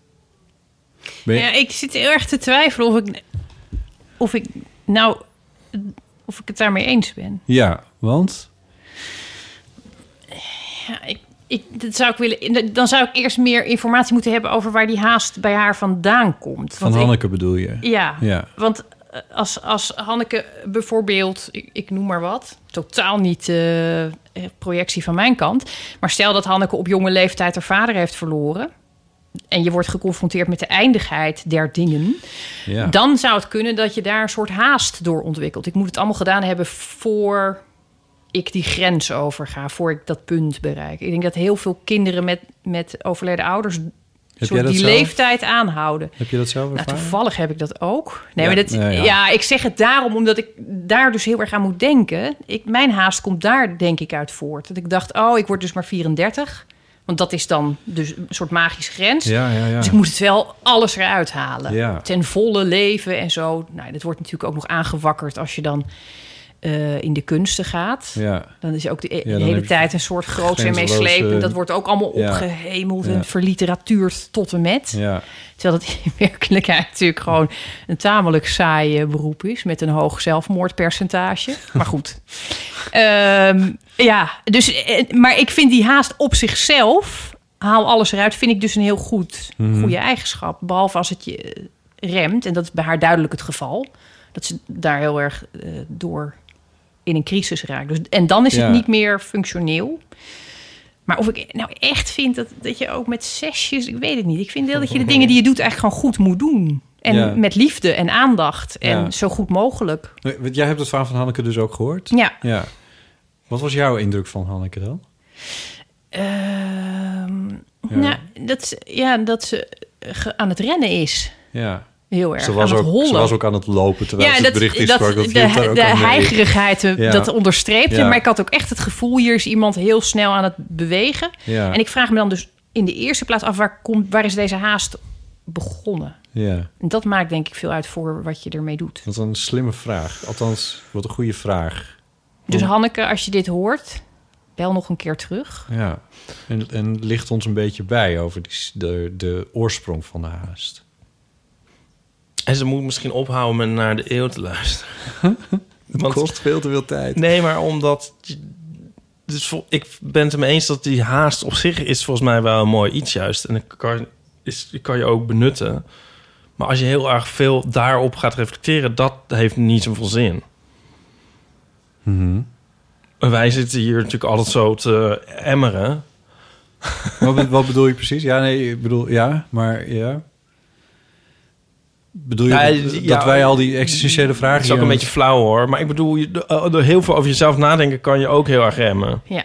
Maar goed, ja, dit is ook een uitnodiging voor jou. Ik begrijp die vraag ook van waar komt je haast vandaan. En dat kan je je ook wel afvragen.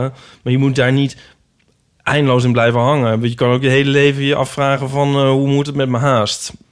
Dat Ja. moet je ook dan laten zitten. Ja. Kijk, dat wij dat leuk vinden om op middelbare leeftijd eindeloos te navelstaren. maar we hebben al zoveel op ons cv. We hebben al zoveel bereikt. maar als je zo jong bent, dan moet je gewoon gaan in de snelheid die je gegeven is. Ja. Ze stelde wel... Ze, ze, ze toonde wel veel eh, eh, zelfinzicht, is misschien niet helemaal het woord. Ja, ze, of in ieder geval zelfreflectie. Dat was er in ieder geval wel heel erg. Ja, ik denk dat Ipe wel een punt heeft dat daar een risico aan zit. En bijna een soort, mm, inderdaad, middelbare leeftijd reflectieachtig. Je kunt iets. daar enorm in verstrikt raken als Ja. je buiten alles wat je moet ook nog gaat reflecteren op het moeten en Ja, ja, ja. daar dan weer op reflecteren. Reflecteer Ja. ik niet te veel eigenlijk. Ja. Nou, dat, Ja, dan- dat ja, kan heel, dat vind ik een heel goed punt van Ipe. Ja, ja, Ja. ja. nee, dat is natuurlijk ook weer zo. Ja, maar ik denk eigenlijk dat Marjolein dat ook een beetje, dat ook wel een beetje bedoelt. Eh, van zit nog niet te veel te piekeren. Ja. Ja, en ik, wat ik nu even buiten beschouwing laat, dat wat me nu pas te binnen schiet. Ik kan wel zeggen, je moet eigenlijk alles wat je doet goed willen doen. Maar dat is natuurlijk als je 30 of 40 bent. Hmm. Als je op de middelbare school zit, krijg je nu eenmaal verplichte vakken waar Ja. niets aan is. En daar kan je prima met een 6 Ja, eh, leven. Ja. Scheikunde bijvoorbeeld of wiskunde. Oh, sorry, Jonica. ja, maar dat, Nou bedoel, je moet dus een keuze maken in... Nederlands of zo, maar ja. Dat- dus ja. Nee, en het dat- kan ook een hele nuttige tactiek zijn. Mijn jongste broertje heeft het altijd zo gedaan. Die vond een 6 gewoon efficiënter eh, tijdstechnisch dan het Ja. leren voor een 7 of een 8. En die eh, heeft eh, na zijn tijd in het leger is die advocaat geworden. Dus Ja. die is nu heel en die draagt hele mooie pakken van Sjaak Hullekes. Sjaak, als je luistert. Eh, dus dat, dus, en dat kan dus ook met een 6. Ja, Ja, precies. Wil ik maar zeggen. Ja, ja. Ik heb hier ook een strip over. Ja, Drie hoog. En dan heeft zo de huisjongste... dan moeten we ook een keer is heel trots. En die kijkt, oeh, kijk, ik heb een 9 gehad voor mijn tentamen. En dan zegt zo de oude eh, bal van, ja, dat is dus niet goed. Want alles wat je er meer hebt ingestopt aan energie... dan een hoog cijfer halen dan een 5,5... dat is allemaal verloren moeite. En dat je moet besteden aan drinken en neuken en roken... en weet ik veel wat... wat die, wat, nou, hè? En ehm, Wat zou je nou zeggen? Wat die persoon zegt? Ik bedoel, het Wat- komt allemaal uit jouw pen, maar... ja, maar. De ik-persoon. Ja, precies. De ik-persoon. niet de ik-persoon. Nee, dit Mooi. is, dit Mooi rond. hoog. Maar, ehm, en dan kijkt zo die, die, die jongen die dus die negen gaat haalt, zo vertwijfeld naar zijn blaadje. En dan zegt, zegt hij, oh, misschien kan ik hem nog herkansen. Goeie, dat is een goeie. Ja, die is heel leuk. Kan wel in de show notes. Maar ehm, ja. Ja. We hebben post Oh, gekregen. ja. Maar jij had dus ook wel, jij had wel, of hebt, heb, heb je nog haast? Ik heb nog steeds haast. Ja, en het, het gevoel, Hmm. ik moet nog zoveel en ik sta mijn tijd te verdoen eh, als ik ga sporten. En dat soort opmerkingen, dat is bij bijna alle mensen die ik ken wel een blijvende kwestie. Oh nee. En dan toch alle afleveringen van En de schuldgevoel gaan en het, en het imposter syndroom. En nou ja, alles is gewoon wat dat betreft een vrij standaard pakket. In mijn omgeving heeft iedereen die problemen, zeg maar. Ja, oh, en ook ja. andere echte problemen natuurlijk. Ook echte probleem. Echte problemen, maar niet... ehm, nee, niemand is hiervan, denk ik, gevrijwaard. Nee, nee, nee, dat is... Dat is En jij dus ook niet. Maar je, want jij maakt wel een heel. Want jij hebt zelf nu een paar keer ook een beeld geschetst van eh, poëzie van. ehm, nou ja, hè, de, de ehm, mompelende mannen en een soort gewicht van de literatuur en zo en dat allemaal. Ehm, wat wil ik nou eigenlijk zeggen? Ja, wat wou je eigenlijk zeggen? Nou, je maakt zelf zo'n opgeruimde indruk. Ik bedoel, daar wil je niet mee te maken hebben. Nee, raken, maar als maar ik- je... Ja. Ja? Weet je al wat ik wil vragen? Nee, ik weet zelf niet wat ik wil vragen. Gaat heel goed dit. Maar ik denk wel dat ze nu iets Helemaal interessant... Let op, Ja? nu gaat ze iets interessants zeggen. Ik denk als ik, als ik eh, de, depressieve fases heb, of Ja. er echt onder lijd, dan hoor je hem gewoon niet. En dan zie je me gewoon ook niet. Dus ik ben eigenlijk alleen maar, als ik buiten ben, ben ik mijn opgeruimde kant Ja. natuurlijk. Maar nee, ja, ik, heb, ik, heb, ik ben niet iemand die heel erg aan aanleg heeft om intens te somberen, omdat ik heel veel dingen gewoon van bovenaf bekijk. En dan is het bijna altijd heel grappig, ook als het jezelf gebeurt. Ja. Maar dat is denk ik ook iets wat veel schrijvers hebben. Trouwens, heel veel journalisten hebben dat ook. En Ja. heel veel mensen die überhaupt... Ja, alleen word ik wel... Ik, ik heb dat ook wel een beetje, maar ik word er, daar word ik dan soms stiekem wel een beetje... Wel een beetje dep- depri van, omdat ik... Omdat ik dan ook altijd het gevoel heb van dat ik niet meedoe. Omdat ik het, omdat ik het van boven aan het bekijken Omdat je er niet ben. echt bent. Dan ben je er niet... Nee. Nee, maar dan dat- zie ik al die mensen die hier door de straat gaan... en denk van, ja, jullie, jullie zijn dus wel Echt. in het leven iets aan het doen... zonder dat je afvraagt wat je aan het doen bent of zo. Wat natuurlijk onzin is, maar... eh, en, en, en ik hoor daar niet bij. Ik zit hier een beetje in mijn dakhuisje naar de wereld te kijken... en, en in die podcast allemaal mensen te interviewen. En, ik, maar aan, echt aan de echte wereld meedoen doe ik du- dus ook niet. Ik vraag me soms echt wel af hoe, hoe het leven is als... I don't know Als je met jezelf samenvalt. trambestuurder of zo. Als je met jezelf samenvalt, dat is een mooie. Ja. ja, dat zou wel mooi zijn. Ja. Dat je er niet boven hangt, maar dat je jezelf bent. Maar dat heb je toch op het moment dat je aan het werk bent wel. Ik kan, dan ben je ook heel vaak je tijdsbesef kwijt. Tenminste, dat stel ik me voor dat het bij fotostrip maken niet anders is. Als ik in een gedicht zit, kan ik zo, zonder dat ik het merk... Dat is goed. uren over een komma. ja. Ja, meer heb je ook vaak niet bij een gedicht. Hè, dat je nog twijfelt over een komma. ja, witregels. Maar, en dan heb ik wel altijd het gevoel, dan, omdat ik er dan min of meer niet bij ben... dat ik er dus heel erg Ja, eh, Samenval. samenval met Ja. wat ik aan het doen ben in ieder geval. Dan is er geen ruimte meer om daar boven te gaan hangen. Dat wat jij tussen 12 uur s'nachts en Ja. 2 uur s'nachts hebt. Ja, ik zit na te denken, ik weet nog steeds niet of het nou een vraag is of zo. Ik ben nog van, als je zegt imposter syndroom, daar sla ik heel erg op aan. Daar heb ik dus ook last van. Maar Daar moet je als, een boek over maken, is leuk. als je dan, dan, dat is altijd ook een soort je verhouden tot de traditie, zeg maar. Toch van, voldoe ik hier wel aan of zo? Maar jij staat daar qua soort image of zo weer heel erg los van. We hebben hier twee mensen radio gepresenteerd. Ah, ik vind het juist heel U mooi mag thuis altijd. raden wie. Zo'n zoekende... Ik bedoel, hoe denk je dan niet soms van... oh, misschien ben ik nu te opgeruimd... om het straks nemen mensen mij niet serieus. Ja, Zo, tuurlijk. ja. En ik, dat komt ook omdat ik, als ik, zeker als ik op een podium sta, wat ik heel graag doe, eh, dan vind ik het altijd heel fijn om mensen aan het lachen te maken. Ja. Veel leuker dan het vo- voorlezen van gedichten. Nou kan ik dat vaak combineren. En zeker die gedichten uit celinspecties, daar zitten echt verschrikkelijke gedichten tussen. Ook hele eh, ja, heftige thema's zitten ertussen. Maar er zitten ook heel veel gedichten in die ontzettend gra- grap, ja, die ik ook echt heel grappig vind. Ja. Over vrouwen die dan eh, gaan schrijven met eh, hele nare mannen. Een briefwisseling Oh ja. opstarten. Dat gebeurt dus heel vaak. Dat is Ja, ongelooflijk. daar heb ik je wel eens over gehoord, ja.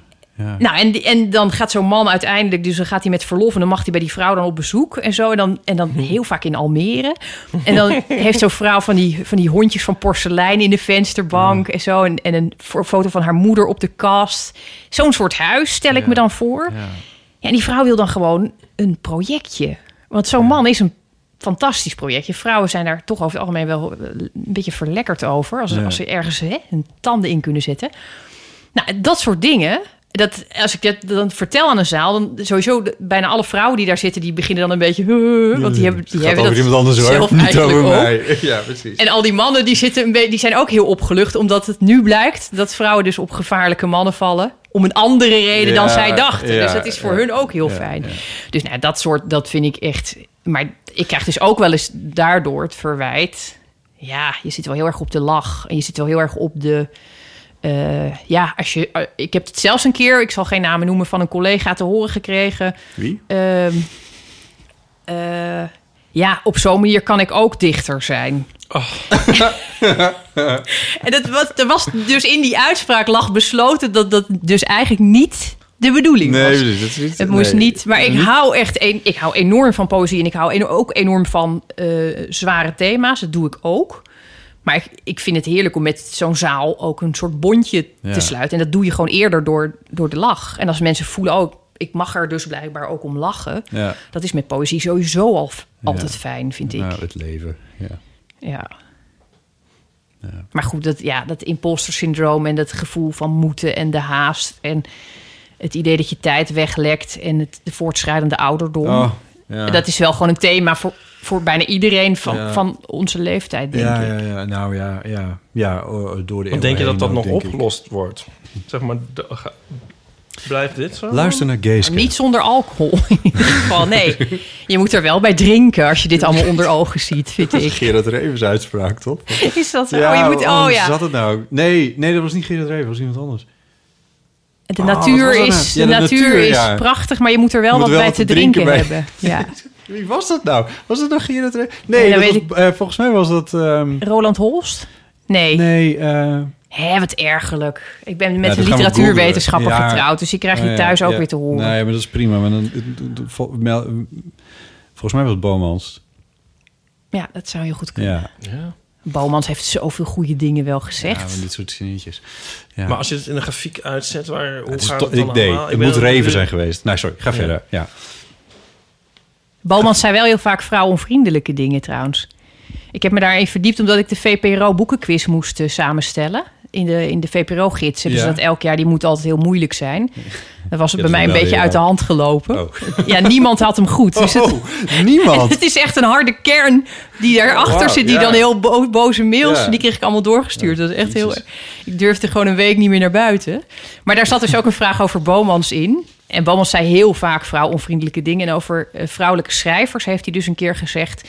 het is zo dikwijls nog nat van de emotie. Het heeft nog niet gehangen aan de drooglijn der herinnering. Oh. Vond ik dus echt een hele pijnlijke uitspraak. Maar wel heel Oh. grappig. Ja. ja, het is wel grappig, ja. Als je geen vrouw bent. Ja. Ehm, waar hadden we het nou over?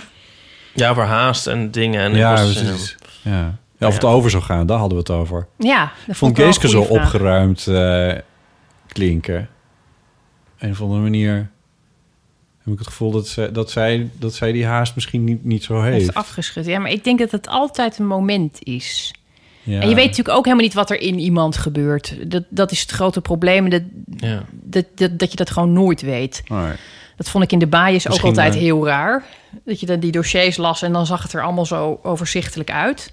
Ja. Iemand deed gewoon iets heel erg slechts. En dan, en dan ontmoet je later die persoon in het echt. Ja. Ik heb echt zulke aardige moordenaars gekend. Dat is, ja, en dat moet je toch combineren in je hoofd. Dus Ja. het, het is altijd maar, je ziet maar een fractie. En de rest is, is gewoon een vermoeden. En dat is misschien met die haast ook wel zo. Dat je daar maar een. een- je, ziet, je, ziet, je, ho- je hoort dus soms het geheig. Ja. Maar heel vaak is het geheig misschien gewoon inwendig wel aanwezig. Terwijl iemand heel opgeruimd overkomt. ja, ja, precies. Ja. En denk jij daar zelf veel over na dan? Van hoe je overkomt? Of is, is dat iets wat je soort bewaakt? Nou, ik had daar vroeger meer last van. Want ik kreeg ik heel vaak te horen dat ik arrogant was. Omdat ik ook misschien omdat ik een scherpe kaaklijn en een neus en zo heb. Ja, dat is, het ligt aan je gezichtsvorm. En eh, een kak, Hè? een Oh. kak-air schijn ik ook te hebben. Dat, dat vind ik dan nu ook allemaal niet zo erg meer. Maar dat had ik toen, vond ik ook heel erg. Want ik dacht, waar heb ik die dan opgelopen? nee, dus en ik, ja, ik weet inmiddels wel, denk ik, zo'n beetje hoe ik overkom. Denk ik. Dus ik denk daar niet zoveel meer over na. Nou ja, nee, fijn. Niet arrogant. Nee. Maar nu niet meer dus. Nee. Ik heb ook geen uniform meer aan, hè? Dus dat scheelt natuurlijk ook. Dat was echt een, eh, een knapje. Ja, maar dat is zo uniform? fijn, een uniform. Uniformen, ja. Hoef je nooit over na te denken wat je aantrekt. Ja, je ziet er altijd gewoon eh, fantastisch en indrukwekkend uit. Ja, Ja, ja. dan ben je daar gewoon van af. Maar dat geldt ook voor jouw eh, broer, die advocaat is geworden. Ik bedoel, een pak is ook gewoon een uniform. klopt. Dat onder, onderschatten mensen wel eens wat dat teweeg, maar dat is inderdaad heel erg zo. Ja. Ik, ik heb ook altijd een wantrouwen een beetje naar mensen die altijd in pak lopen. Dan denk ik, wat ben je aan het, aan het Pieter compenseren? Wat ben je aan het... Pieter van der Wielen. Ja, maar ik heb Pieter ook wel eens eh, zonder pak gezien. Oh. Oh, had hij wel iets anders aan? Pieter, als je nog luistert. Als je nog luistert. Ik denk er vaak aan terug. Eh, nee, hij had geloof, geloof ik een t-shirt aan. En iets, eh, ja. Dus ik denk dat hij gewoon zijn jasje had uitgetrokken. Maar dat is voor Pieter al Ja, wel precies. een soort eh, striptease. Ja, dat is al, gaat al heel ver. Gaat al heel ver, inderdaad. Ja.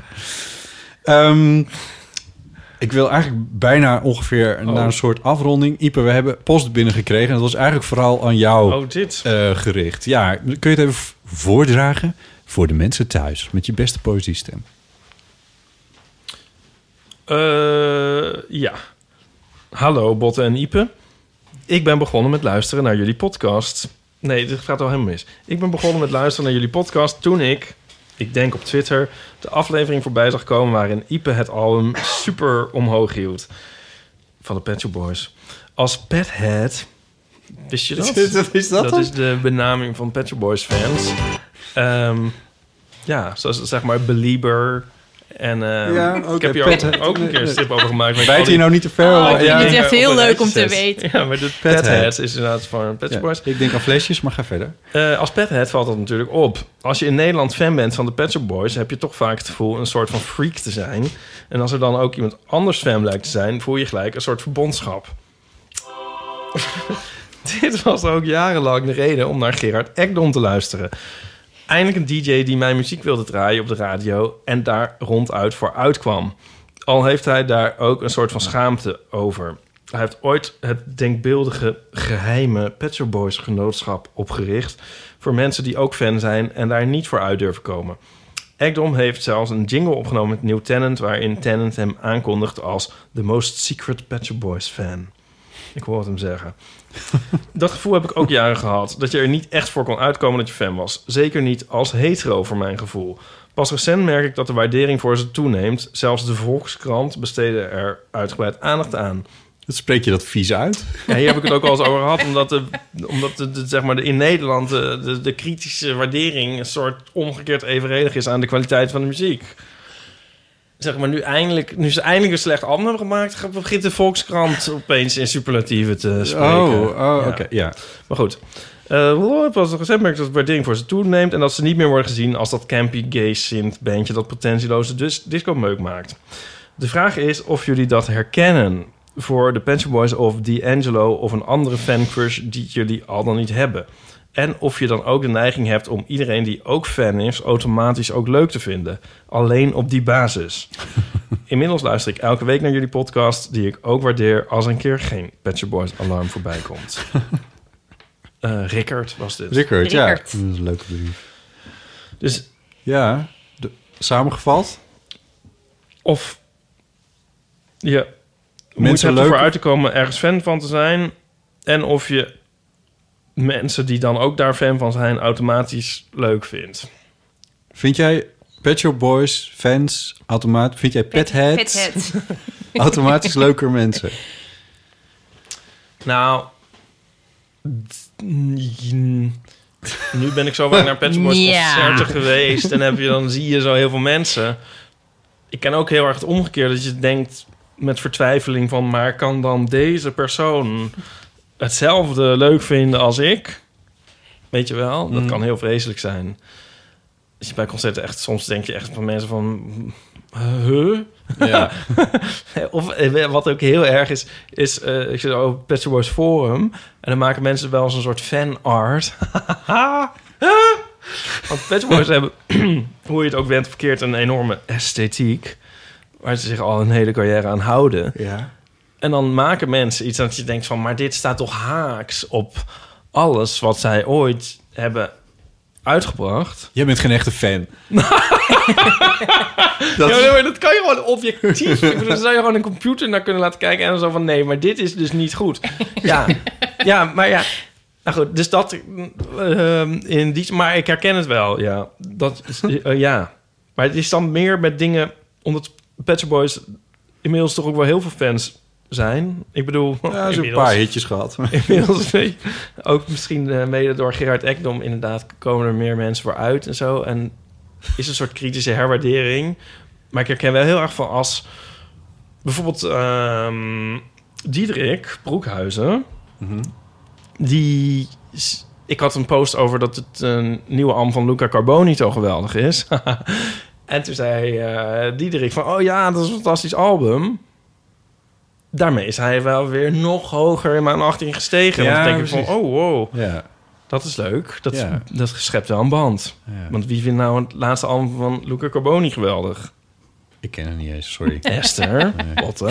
Ja, ik, ik zit hier als muziekanalfabeet echt gewoon nu op hete Luca kolen. Carboni. heb, jij, heb jij popbandjes of eh, iets in de popmuziek? Misschien klassieke muziek? Ja, of een je- dichter misschien, of een schrijver. Ja, Ik heb met muziek een beetje wat Ipe met eten heeft. Het hoeft voor mij niet. Gewoon het jou niet. integraal eigenlijk hoeft het niet. Alles? Ja, ik kan echt heel goed zonder muziek. Oh, nee. Maar ik heb er niks tegen. Alleen ik, zou- ik weet Nee, uit ja. mezelf bijna nooit. En ik heb wel in mijn puberteit natuurlijk een aantal bandjes geluisterd. En, maar ik... Alle dichters zijn toch fan van, van Bob Dylan en zo? En, eh, oh. Wow. Ja, ik vind, ik, ik vind heel veel dingen wel mooi. Ik vind Wel Otis mooi. Redding bijvoorbeeld, dat, zet, dat is het enige wat ik wel eens vrijwillig opzet. En Aretha Franklin, dat, zijn, dat is het wel. Nou, wow, wow. En mijn vader draaide één keer per week de bolero. Oh. Trok dan zijn overhemd uit. En De- de eh, ging klassieke dan bolero. staan eh, dirigeren in zijn Ah. blad. Dat is een van de laatste herinneringen die ik aan mijn vader heb... voordat hij ziek werd. Dat hij de bolero ging staan. eh. Oh, dat is wel een heel mooie herinnering. natuurlijk. Kan je hem nu nog horen, de bolero? Ja, Ja. ja. Maar ik heb dus uit mezelf heel... Maar ik ben ook... Ik schaam me nergens voor. Sowieso doe ik niet aan guilty pleasures. Dus bij alles wat ik leuk vind... zeg ik ook altijd gewoon dat ik het leuk vind. Nou ja, Dus het enige concert waar ik ooit uit zijn- mezelf ben geweest is Supertramp. Ja, dat vond ik toen echt Dit fantastisch. is een goed rijtje hoor. Otis Redding, eh, Frank, eh, eh, De eh, jongste in Ahoy. Aretha Franklin en Supertramp. Dat is echt wel een prima rijtje. Het was echt, het waren alleen maar, ik, ja, het is dus ook al 15 jaar geleden of langer, 20 jaar geleden misschien.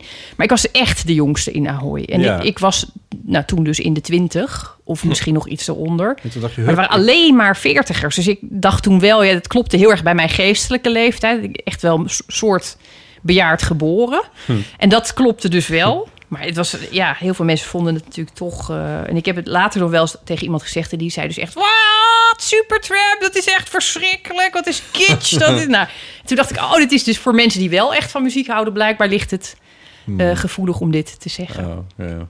Nou, Dus ik, ja, en ik had op, eh, als ik op, op eh, de radio moest presenteren, dan kreeg ik altijd die teksten aangeleverd Ja. van tevoren. ja, tekstjes En dan moest bij... ik dus eh, muziek aankondigen. Ah, ja. En dan wist ik Ja. nooit hoe ik het uitsprak. Dus ik heb hele rare dingen gezegd altijd. En daar werd ik dan Ja. mee gepest. De Angelo. Ja, dat, nou, dat zou ik zo echt zo hebben kunnen zeggen. Het gebeurt regelmatig op Radio 1 hoor, dat het iets te verkeerd wordt uitgesproken. Dus dat is niet...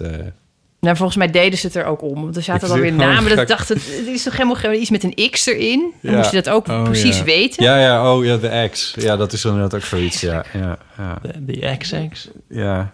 ja hier, ik, zeg, ik zeg het zelfs verkeerd. Maar de, de, ehm, ik zat te denken ondertussen, is één iemand, dat vind ik het echt altijd hilarisch. Eh, Ik hoop niet dat ze luisteren. Dat is Mieke van der Wij. Ik waardeer haar zeer als presentatrice. Eh, maar die, als die bandnaampjes moet uitspreken, dat is altijd lachen.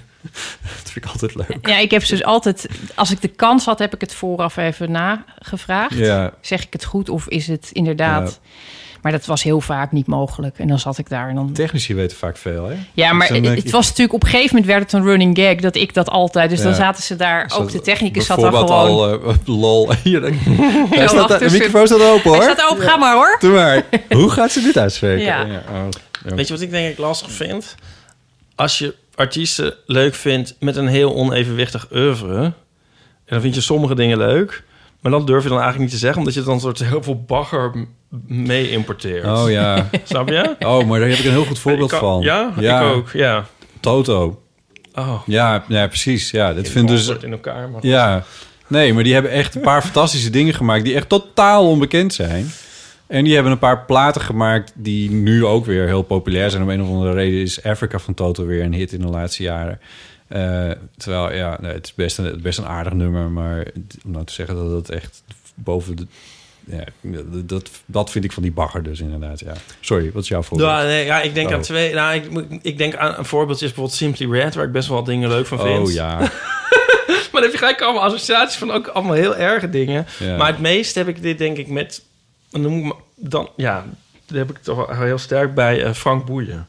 Ja, oh. Omdat ik best wel veel van Frank Boeien echt helemaal fantastisch vind. Hm. En ik ben ook een soort vrienden met, eh, met... Ik weet niet of ik hem... Heb ik hem al eens geout? Met Marinus. Weet je wel, Marinus eh, van het Ja. hier. Omdat wij een soort eh, elkaar vonden daarin. Van, oh, Frank Boeien. Ja. Alleen, ja, er is ook gewoon heel veel... Ja, mag ik dat zo hard op zeggen? Dat is ook zo onaardig. Maar dat dan niet, niet zo goed is, Ja, ben ik bang. oh, Ja. prima toch? Jij gaf laatst die tip eh, van om eh, te zeggen. Maar goed, ja. de podcast van Gijs Groenteman... waarin Frank Ja, Boeien... Die, ja. heb ik, eh, die heb ik geluisterd. Oh ja. Dat is echt een heel leuk gesprek inderdaad. leuk, hè? ja, waar, inderdaad, dat werd het voor mij ook weer een heel andere man. Ja, Frank Boeien, ja. niet Gijs Groenteman. Nou ja, maar dan omdat je maar nooit weet wie, wat de associatie is van iemand bij als je dat zegt. Ja. Denkt iemand van, oh jee, dus die denkt dan misschien aan de piano van Beethoven. Ja, het is ook gevaarlijk om te zeggen dat je een scherpe kaaklijn hebt bijvoorbeeld. Stellen mensen zich ook meteen van alles bij voor. Ik denk nu ineens aan Valencia. Oh. Die heb ik dus, dat, dat, dat, ik heb net gezegd, het enige concert waar ik ooit geweest ben was, was Supertramp. Dat is Er ook was zo. nog een. Maar Valencia heb ik ooit een brief geschreven. En toen was ik denk ik 12 of 13, echt heel jong. Dat ik dat zo'n mooi liedje vond. Gaia was toen Gaia, een hit. ja, dat was een enorme hit. En het, ja, ik Heel symfonisch. Heel, denk eh, dat ik het, als ik het nu luister, weet ik niet wat ik er vind. Maar ik denk dat ik dat toen wel echt gewoon heel lang heel mooi heb gevonden. En ik heb hem toen een brief gestuurd. En toen heb ik ook een eh, foto gekregen met een handtekening. Oh, Dat heb ik verder nooit meer gedaan. Ik vond ook een beetje, dacht ik, ja, oké. Ik had liever, ik wilde natuurlijk een brief terug met, met een soort, hè? Ja, Wat fijn dat je dat zegt, want ik heb zo lang geworsteld om dit nummer te schrijven. En dat er dan een soort eh, Ja. ontstaansgeschiedenis zou we een worden keer wat gaan drinken als ik in Rotterdam ben. Nee, dat, ik was niet op die manier Oh. eh, geïnteresseerd. Nee, ik viel toen al een beetje op, op eh, oudere intellectuele mannen. Autoritaire types. En Valencia was veel in zijn tijd, maar geen oudere intellectuele man. Nee, nee. Maar ik vraag me af hoe het nu met hem is, want het is daarna eigenlijk nooit meer, eh, denk Nee, ik. Ik denk Big in Japan. Eh, ja. Oh, dat zou heel goed kunnen. Oh, ik kan niet wachten tot Marit in de show notes Misschien weet gaat zetten en dan, en dan klikt op Gaia en dan denkt van, wat de fuck Is dit? maar jij kan je dat dus nog wel herinneren, dat nummer. Ja, ja, ja. Ja, ja Ook is- omdat je hem probeerde na te zingen en dan kwam je niet hoog genoeg. Nee, ja, het was inderdaad wel volgens mij best wel een virtuoos ding. Maar eh, er was zo'n periode waarin eh, bij ons thuis vroeger de top 40 op televisie dan aanstond. Weet ik veel wanneer het werd uitgezonden. Maar, eh, en hij heeft volgens mij heel lang in de top 40 gestaan. En, dan, en er zat ook zo'n hele, zo'n hele symfonische clip zat daar ook bij... waar hij met wapperende witte overhemden stond en dat soort dingen. Ja, ik denk dat ik dat dus nooit gezien heb. Ik heb we hadden heel laat kabel in Oh, Zeeland. Ja, ja nou, wij hadden ook geen kabel. dit, dit, was, dit was dan op Nederland 2, of weet ik veel. Ik heb ook geen flauw idee. Ik weet ook niet wanneer Wij dit kregen was. in maar eh, ik. 2013 is de kabel uiteindelijk doorgetrokken. Oh ja. Nee, bij ons... Op... Echt? Nee, die grapje. Ja, ik, ik, ik, ik ben heel erg aan het... Bij ons thuis kwam er een schotel toen ik het huis uitging. Dus dat was ook niet vind. best. Anyway, ja. Wat? Ja. Nee, ja. Oh ja, ik zit nog te denken aan dat- toen we naar, de, naar, dat, naar het Vechtdal reden. Ik in de auto nog een liedje heb gedraaid waar ik me ook echt verschrikkelijk voor schaam. Wat ik wel leuk vind om nu even te noemen. kan wel op dat het in de show notes komen. Missing You van Chris de Burg. Oh god. Oké, ja. Dat is Ja, dat weet ik dus dan weer gelijk Nee. niet. Nou ja, Chris de Burg is wel zo'n van naam. Lady in Red. Zing eens even een stukje. Van Lady in Red. Dat, dat nummer ken je wel, Lady in Ja, Red. dat ken ja, ik wel. dat, dat dus dan niet. Maar dit is dan het nummer Missing You. Ja, dat vind ik dus fantastisch. Maar het is een soort slager eigenlijk. ja, maar het is ook Ja, ik- op een ik- heel rare manier ja. ontroert dat nummer mij dan. Slagers vind ik inderdaad alles wat daarmee eh, in verband kan worden gebracht. Oh, Oh, ik snap wat je bedoelt. Nu al. ja. En ik dacht dat Nico helemaal gek zou worden. En, tussen, en toen vroeg ik, wat vind je ervan? Toen zei hij, Oh ja. Oh ja. Oh, maar dit ken ik wel van vroeger. Ja, ja, maar dit Ik is denk dat ik dit hitje. ook heel erg mee kan zingen Zo'n als Sky jullie er niet bij Radio zijn. ding is dit ook, toch? Ja, maar het is echt heel goed. Dat moet je eens luisteren. Echt heel goed. Wanneer dan? Het klinkt ook een beetje als een kerstnummer. Ja, Ja. klopt. Door En die, er eh, zit zo'n goede akkoordenwisseling in. Hier. Ja, in het refrein zit nog een heel mooi... ehm,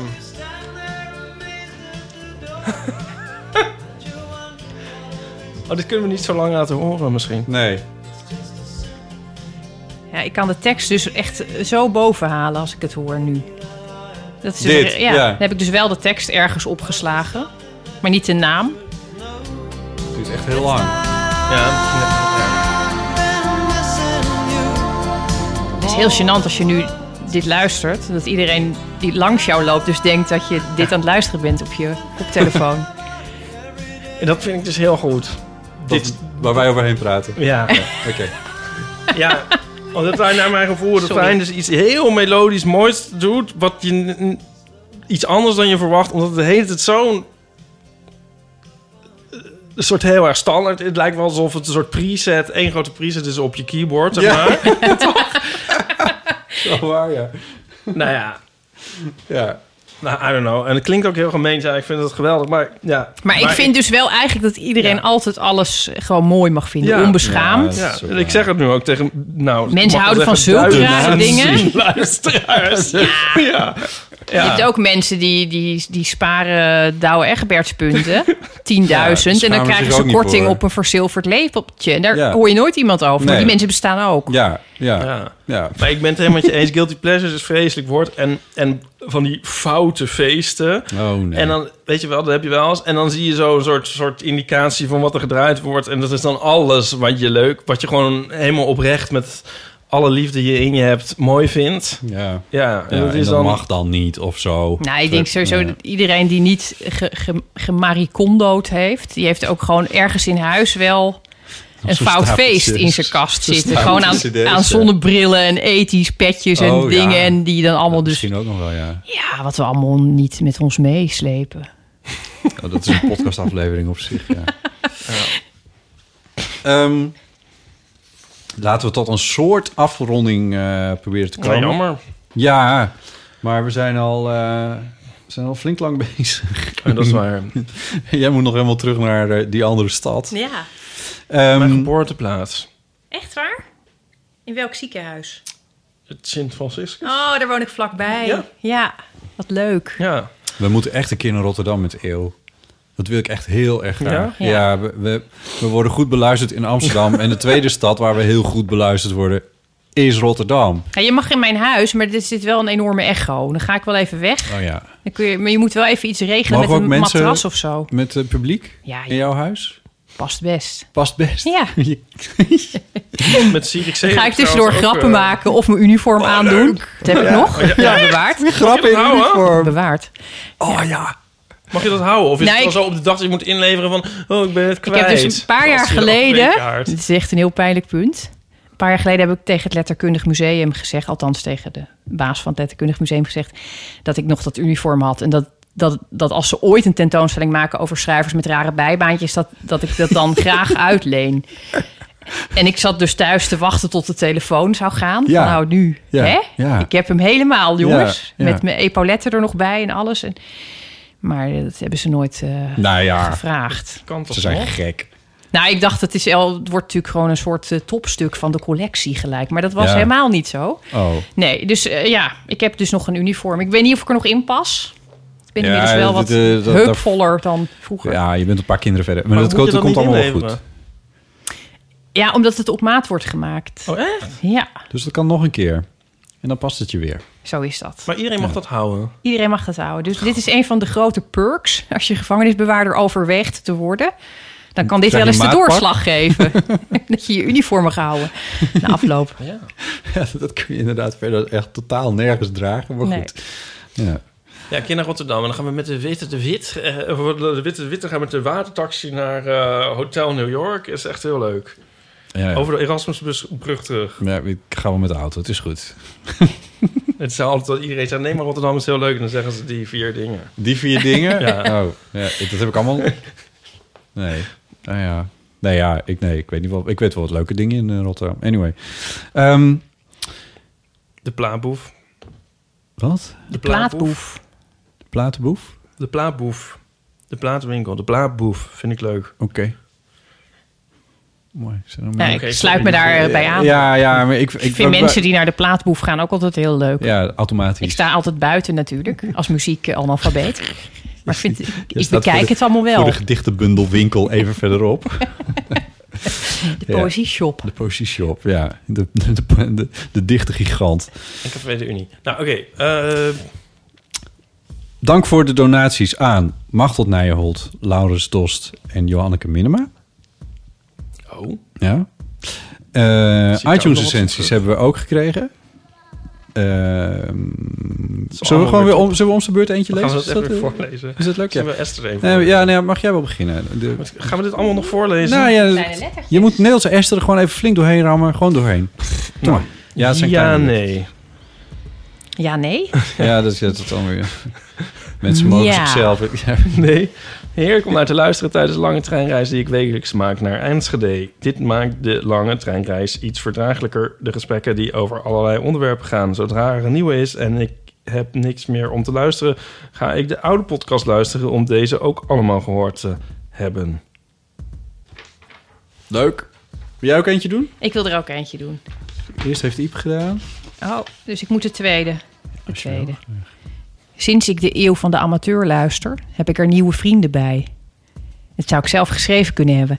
Ik geniet ervan dat ik jullie gesprekken en humor kan beluisteren... alsof ik bij jullie aan de keukentafel zit. Ik geniet van Ipus aanstekelijke lach... Botters rustige eerlijkheid en Paulines gevatheid. Ge- gevatheid. Ook een goed woord. Ja. Dank je wel voor deze heerlijke luisteruren... waarvan ik hoop dat er nog heel veel zullen komen. Van Teunie 66. Teunie 66. Mooi. Ja, let, eh, ja, die krijgt wel heel andere lading als jij het voorleest. Dit is eentje van Glitterende Eenhoorn. Nee! Ja, Oh, wat Die ken ik. maar die kennen we. Ja. Glitterende Einhorn. K- Glitterende Einhorn. Toen... eh, oh, gaan we dit nog helemaal vertellen? Nee, maar goed. In ieder geval, eh Ipe... Een vriend van ons is, heeft een big band. Ja, goed. Zo, zo gaat dat soms. En die heeft een serie eh, concerten in het Bimhuis. En op een gegeven moment... Ik weet niet eens meer hoe we daar nou bij kwamen. Maar we dachten, is, is het niet leuk om een keer een big band concert te combineren met fotostrips? En dat hebben we gedaan. En toen heb jij op het podium gestaan. Met Glitterende Einhorn. Met glitterende eenhoorn. Die live tekeningetjes maakte bij de muziek. Ja, en was van echt- alles had hij gedaan. Oh, was- animaties en zo. Het Ah, was de hele avond. helemaal te gek. kwam uit eigenlijk. zijn koker. Dus, nou goed, hij, eh, Eh, Er is een grote kans dat dit dezelfde glitterende eenhoorn is. Ik luister al vanaf aflevering 1. Ik ben zeer blij dat de afleveringen steeds langer werden. Ga zo door. Nou, dat is toch leuk? Super lief. Ja. En zijn handtekening is een tekening van een glitterende eenhoorn. Die staat echt in zijn paspoort. Op de plaats van de handtekening staat gewoon een tekeningetje. En Echt? dat mag dus. Een eenhoorntje te glitteren. Ja, dat Ah, ik ben er zo leuk. ingeluisterd met mijn handtekening. Ooit heeft mijn zus tegen mij gezegd: ja, je moet, er moet eh, sowieso moet er een, eh, een van je voorletters in zitten. En er moet een. eh, nou ja, die had allerlei eisen, zogenaamd. En toen heb ik dat overgenomen. Dus nu, mijn handtekening is dus echt ENP met een soort krulletje erdoor. Maar als je, ik had gegeten dat je een glitterende e- eenhoorn Ja. ook gewoon mocht doen. Dat is toch een prima handtekening? en een krulletje. En niemand kan hem nadoen. Dus, maar ik heb het dus gebaseerd op wat mijn zus zei. Dat moest bij een handtekening. Die kon mij alles wijs maken. dus ik, vind het, ik voel me toch ingeluisterd nu. Nou ja. Iedereen is erin Je- geluisterd. je kan het allemaal leuke glitterende dingen, behalve eenhoorn. glitterende eenhoorn. Maar je kan het toch veranderen? Ik bedoel, mijn... Ja, het is nu te laat. Het staat overal op. En denk eens aan die, aan die miljoenen bundels die ik heb gesigneerd in de loop der Oh jaren. ja, dat is ook weer waar. Dat kan je niet meer aan. Ja. Dat kan je niet meer ongedaan maken. Ja. Stiekem verliefd op botten. Maar denk niet dat ik zijn type ben. Marjolein 99. Marjolein.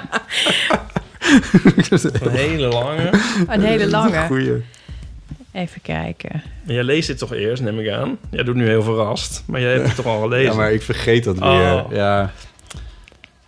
Was deze recensie nuttig? Ja, nee, meld een probleem. Dat vind ik ook wel fijn om even gezegd te hebben. Moet ik die hele lange gaan voorlezen? Die is echt heel Nee, je lang. mag ook die andere pakken, doe ik die langer wel. Oké, ik doe de korte. Licht filosofische marathon. Kalmte en lichtheid stemt tot nadenken. Erg fijn voor lange autoritten. Maar ook bij het hardlopen houden de heren met hun gasten je moet erin. Je moet, ze houden je moet erin. Dat Ja. vind ik echt heel mooi. Ja. Mijn nieuwe levensdoel: een hele aflevering uitlopen. Uitlopen. Nou, dan heeft hij met deze toch wel. Dat was Cornelis. Jij leest echt heel mooi voor, want eh, die heeft zelfs ons, deze eh, onzinnige... Wat? Oh, was het Onzinnig? Cornelis Wat ga je nou? Zelfs deze onzinnige teksten. Je hebt opeens een soort... Die heeft onze telefoon betaald. mooi. Cornelis? Ja. Oh. ja. Oh, de armlastige pianist. De armlastige pianist. Ja. Die, heeft, eh, die heeft ons eh eeuwenfoontje... eh, nee, anyway. Ehm, Gesponsord. Lara Debuut schrijft... Voor de laatste aflevering, die van afgelopen vrijdag... geef ik vijf sterren. Het feest begonnen bij de intro van de podcast Vandaag. Vandaag. Daarmee was voor mij de toon gelijk gezet. Gezelligheid. Mijn favoriete columnist Afrand Kostjes was er ook weer bij. Waardoor ik regelmatig hard op moest lachen. En als een, als een kleuter alle grapjes aan mijn vriend naar vertelde. Oh, dat is lief. De chemie tussen Botte, Ipe en Aaf is duidelijk merkbaar. En doet me denken aan eindeloze borrelavonden met vrienden. Wat tof dat een podcast dat kan doen. Ik was daarom ook helemaal in mijn nopjes. Toen ik zag dat deze aflevering maar liefst 2 uur en 20 minuten duurde. Net als vroeger toen mijn vader zei... En morgen lezen we weer verder. Wilde ik dat het nog uren duurde. Gelukkig is er altijd weer een nieuwe aflevering. Nou, dat is lief. Ja, dat is heel lief. Dankjewel, Lara. Ehm, even kijken hoor. Waar zijn we? We zijn aan het einde. We zijn aan het einde gekomen. Dus dan eh, eh, zeg ik even dat er nieuwe ehm, verhalen en dilemma's en reacties welkom zijn op de Eeuwenfoon. En dat is op telefoonnummer 06 1990, 68 71. Mailen kan naar botten.eeuwvanamateur.nl En eh, als je kritiek hebt, kan het naar ipe.eeuwvanamateur.nl Ehm Reacties op iTunes zijn welkom. Eh, dat helpt eh, nieuwe luisteraars om de eeuw weer te vinden. Je kan ons volgen op Instagram. Daar zijn we, heten we gewoon Eeuw van de Amateur. En we hebben natuurlijk de website eeuwvandeamateur.nl Ipe, dankjewel dat je er weer was. Ja, nou, eh, my pleasure. En hartelijke dank aan Esther Naomi Perquin. Dankjewel. ik vond het een, een, een voorrecht. Het was echt heel erg tof. Eh, dank voor al je verhalen en, eh, en de leuke gezelligheid. Je treedt regelmatig op. Treed je in de komende periode nog ergens op waar Nee. mensen naartoe kunnen? Nergens. Dus niemand kan ergens naartool. Blijf lekker thuis. Check die website. Blijf lekker Dus kan thuis. wel je bundels Check- kopen. Koop die bundels. Check www.esternaomiperqueen.nl Oh ja, dan moet Google ik mijn even hoe je het agenda bij schrijft. gaan werken. Dan moet je de agenda bijwerken. En dan in het najaar zijn er ongetwijfeld weer hele tournees door het hele land met eh, poëzie en God knows what. Zo is het. Dankjewel. Goed, hartelijk dank voor het luisteren. Tot de volgende keer.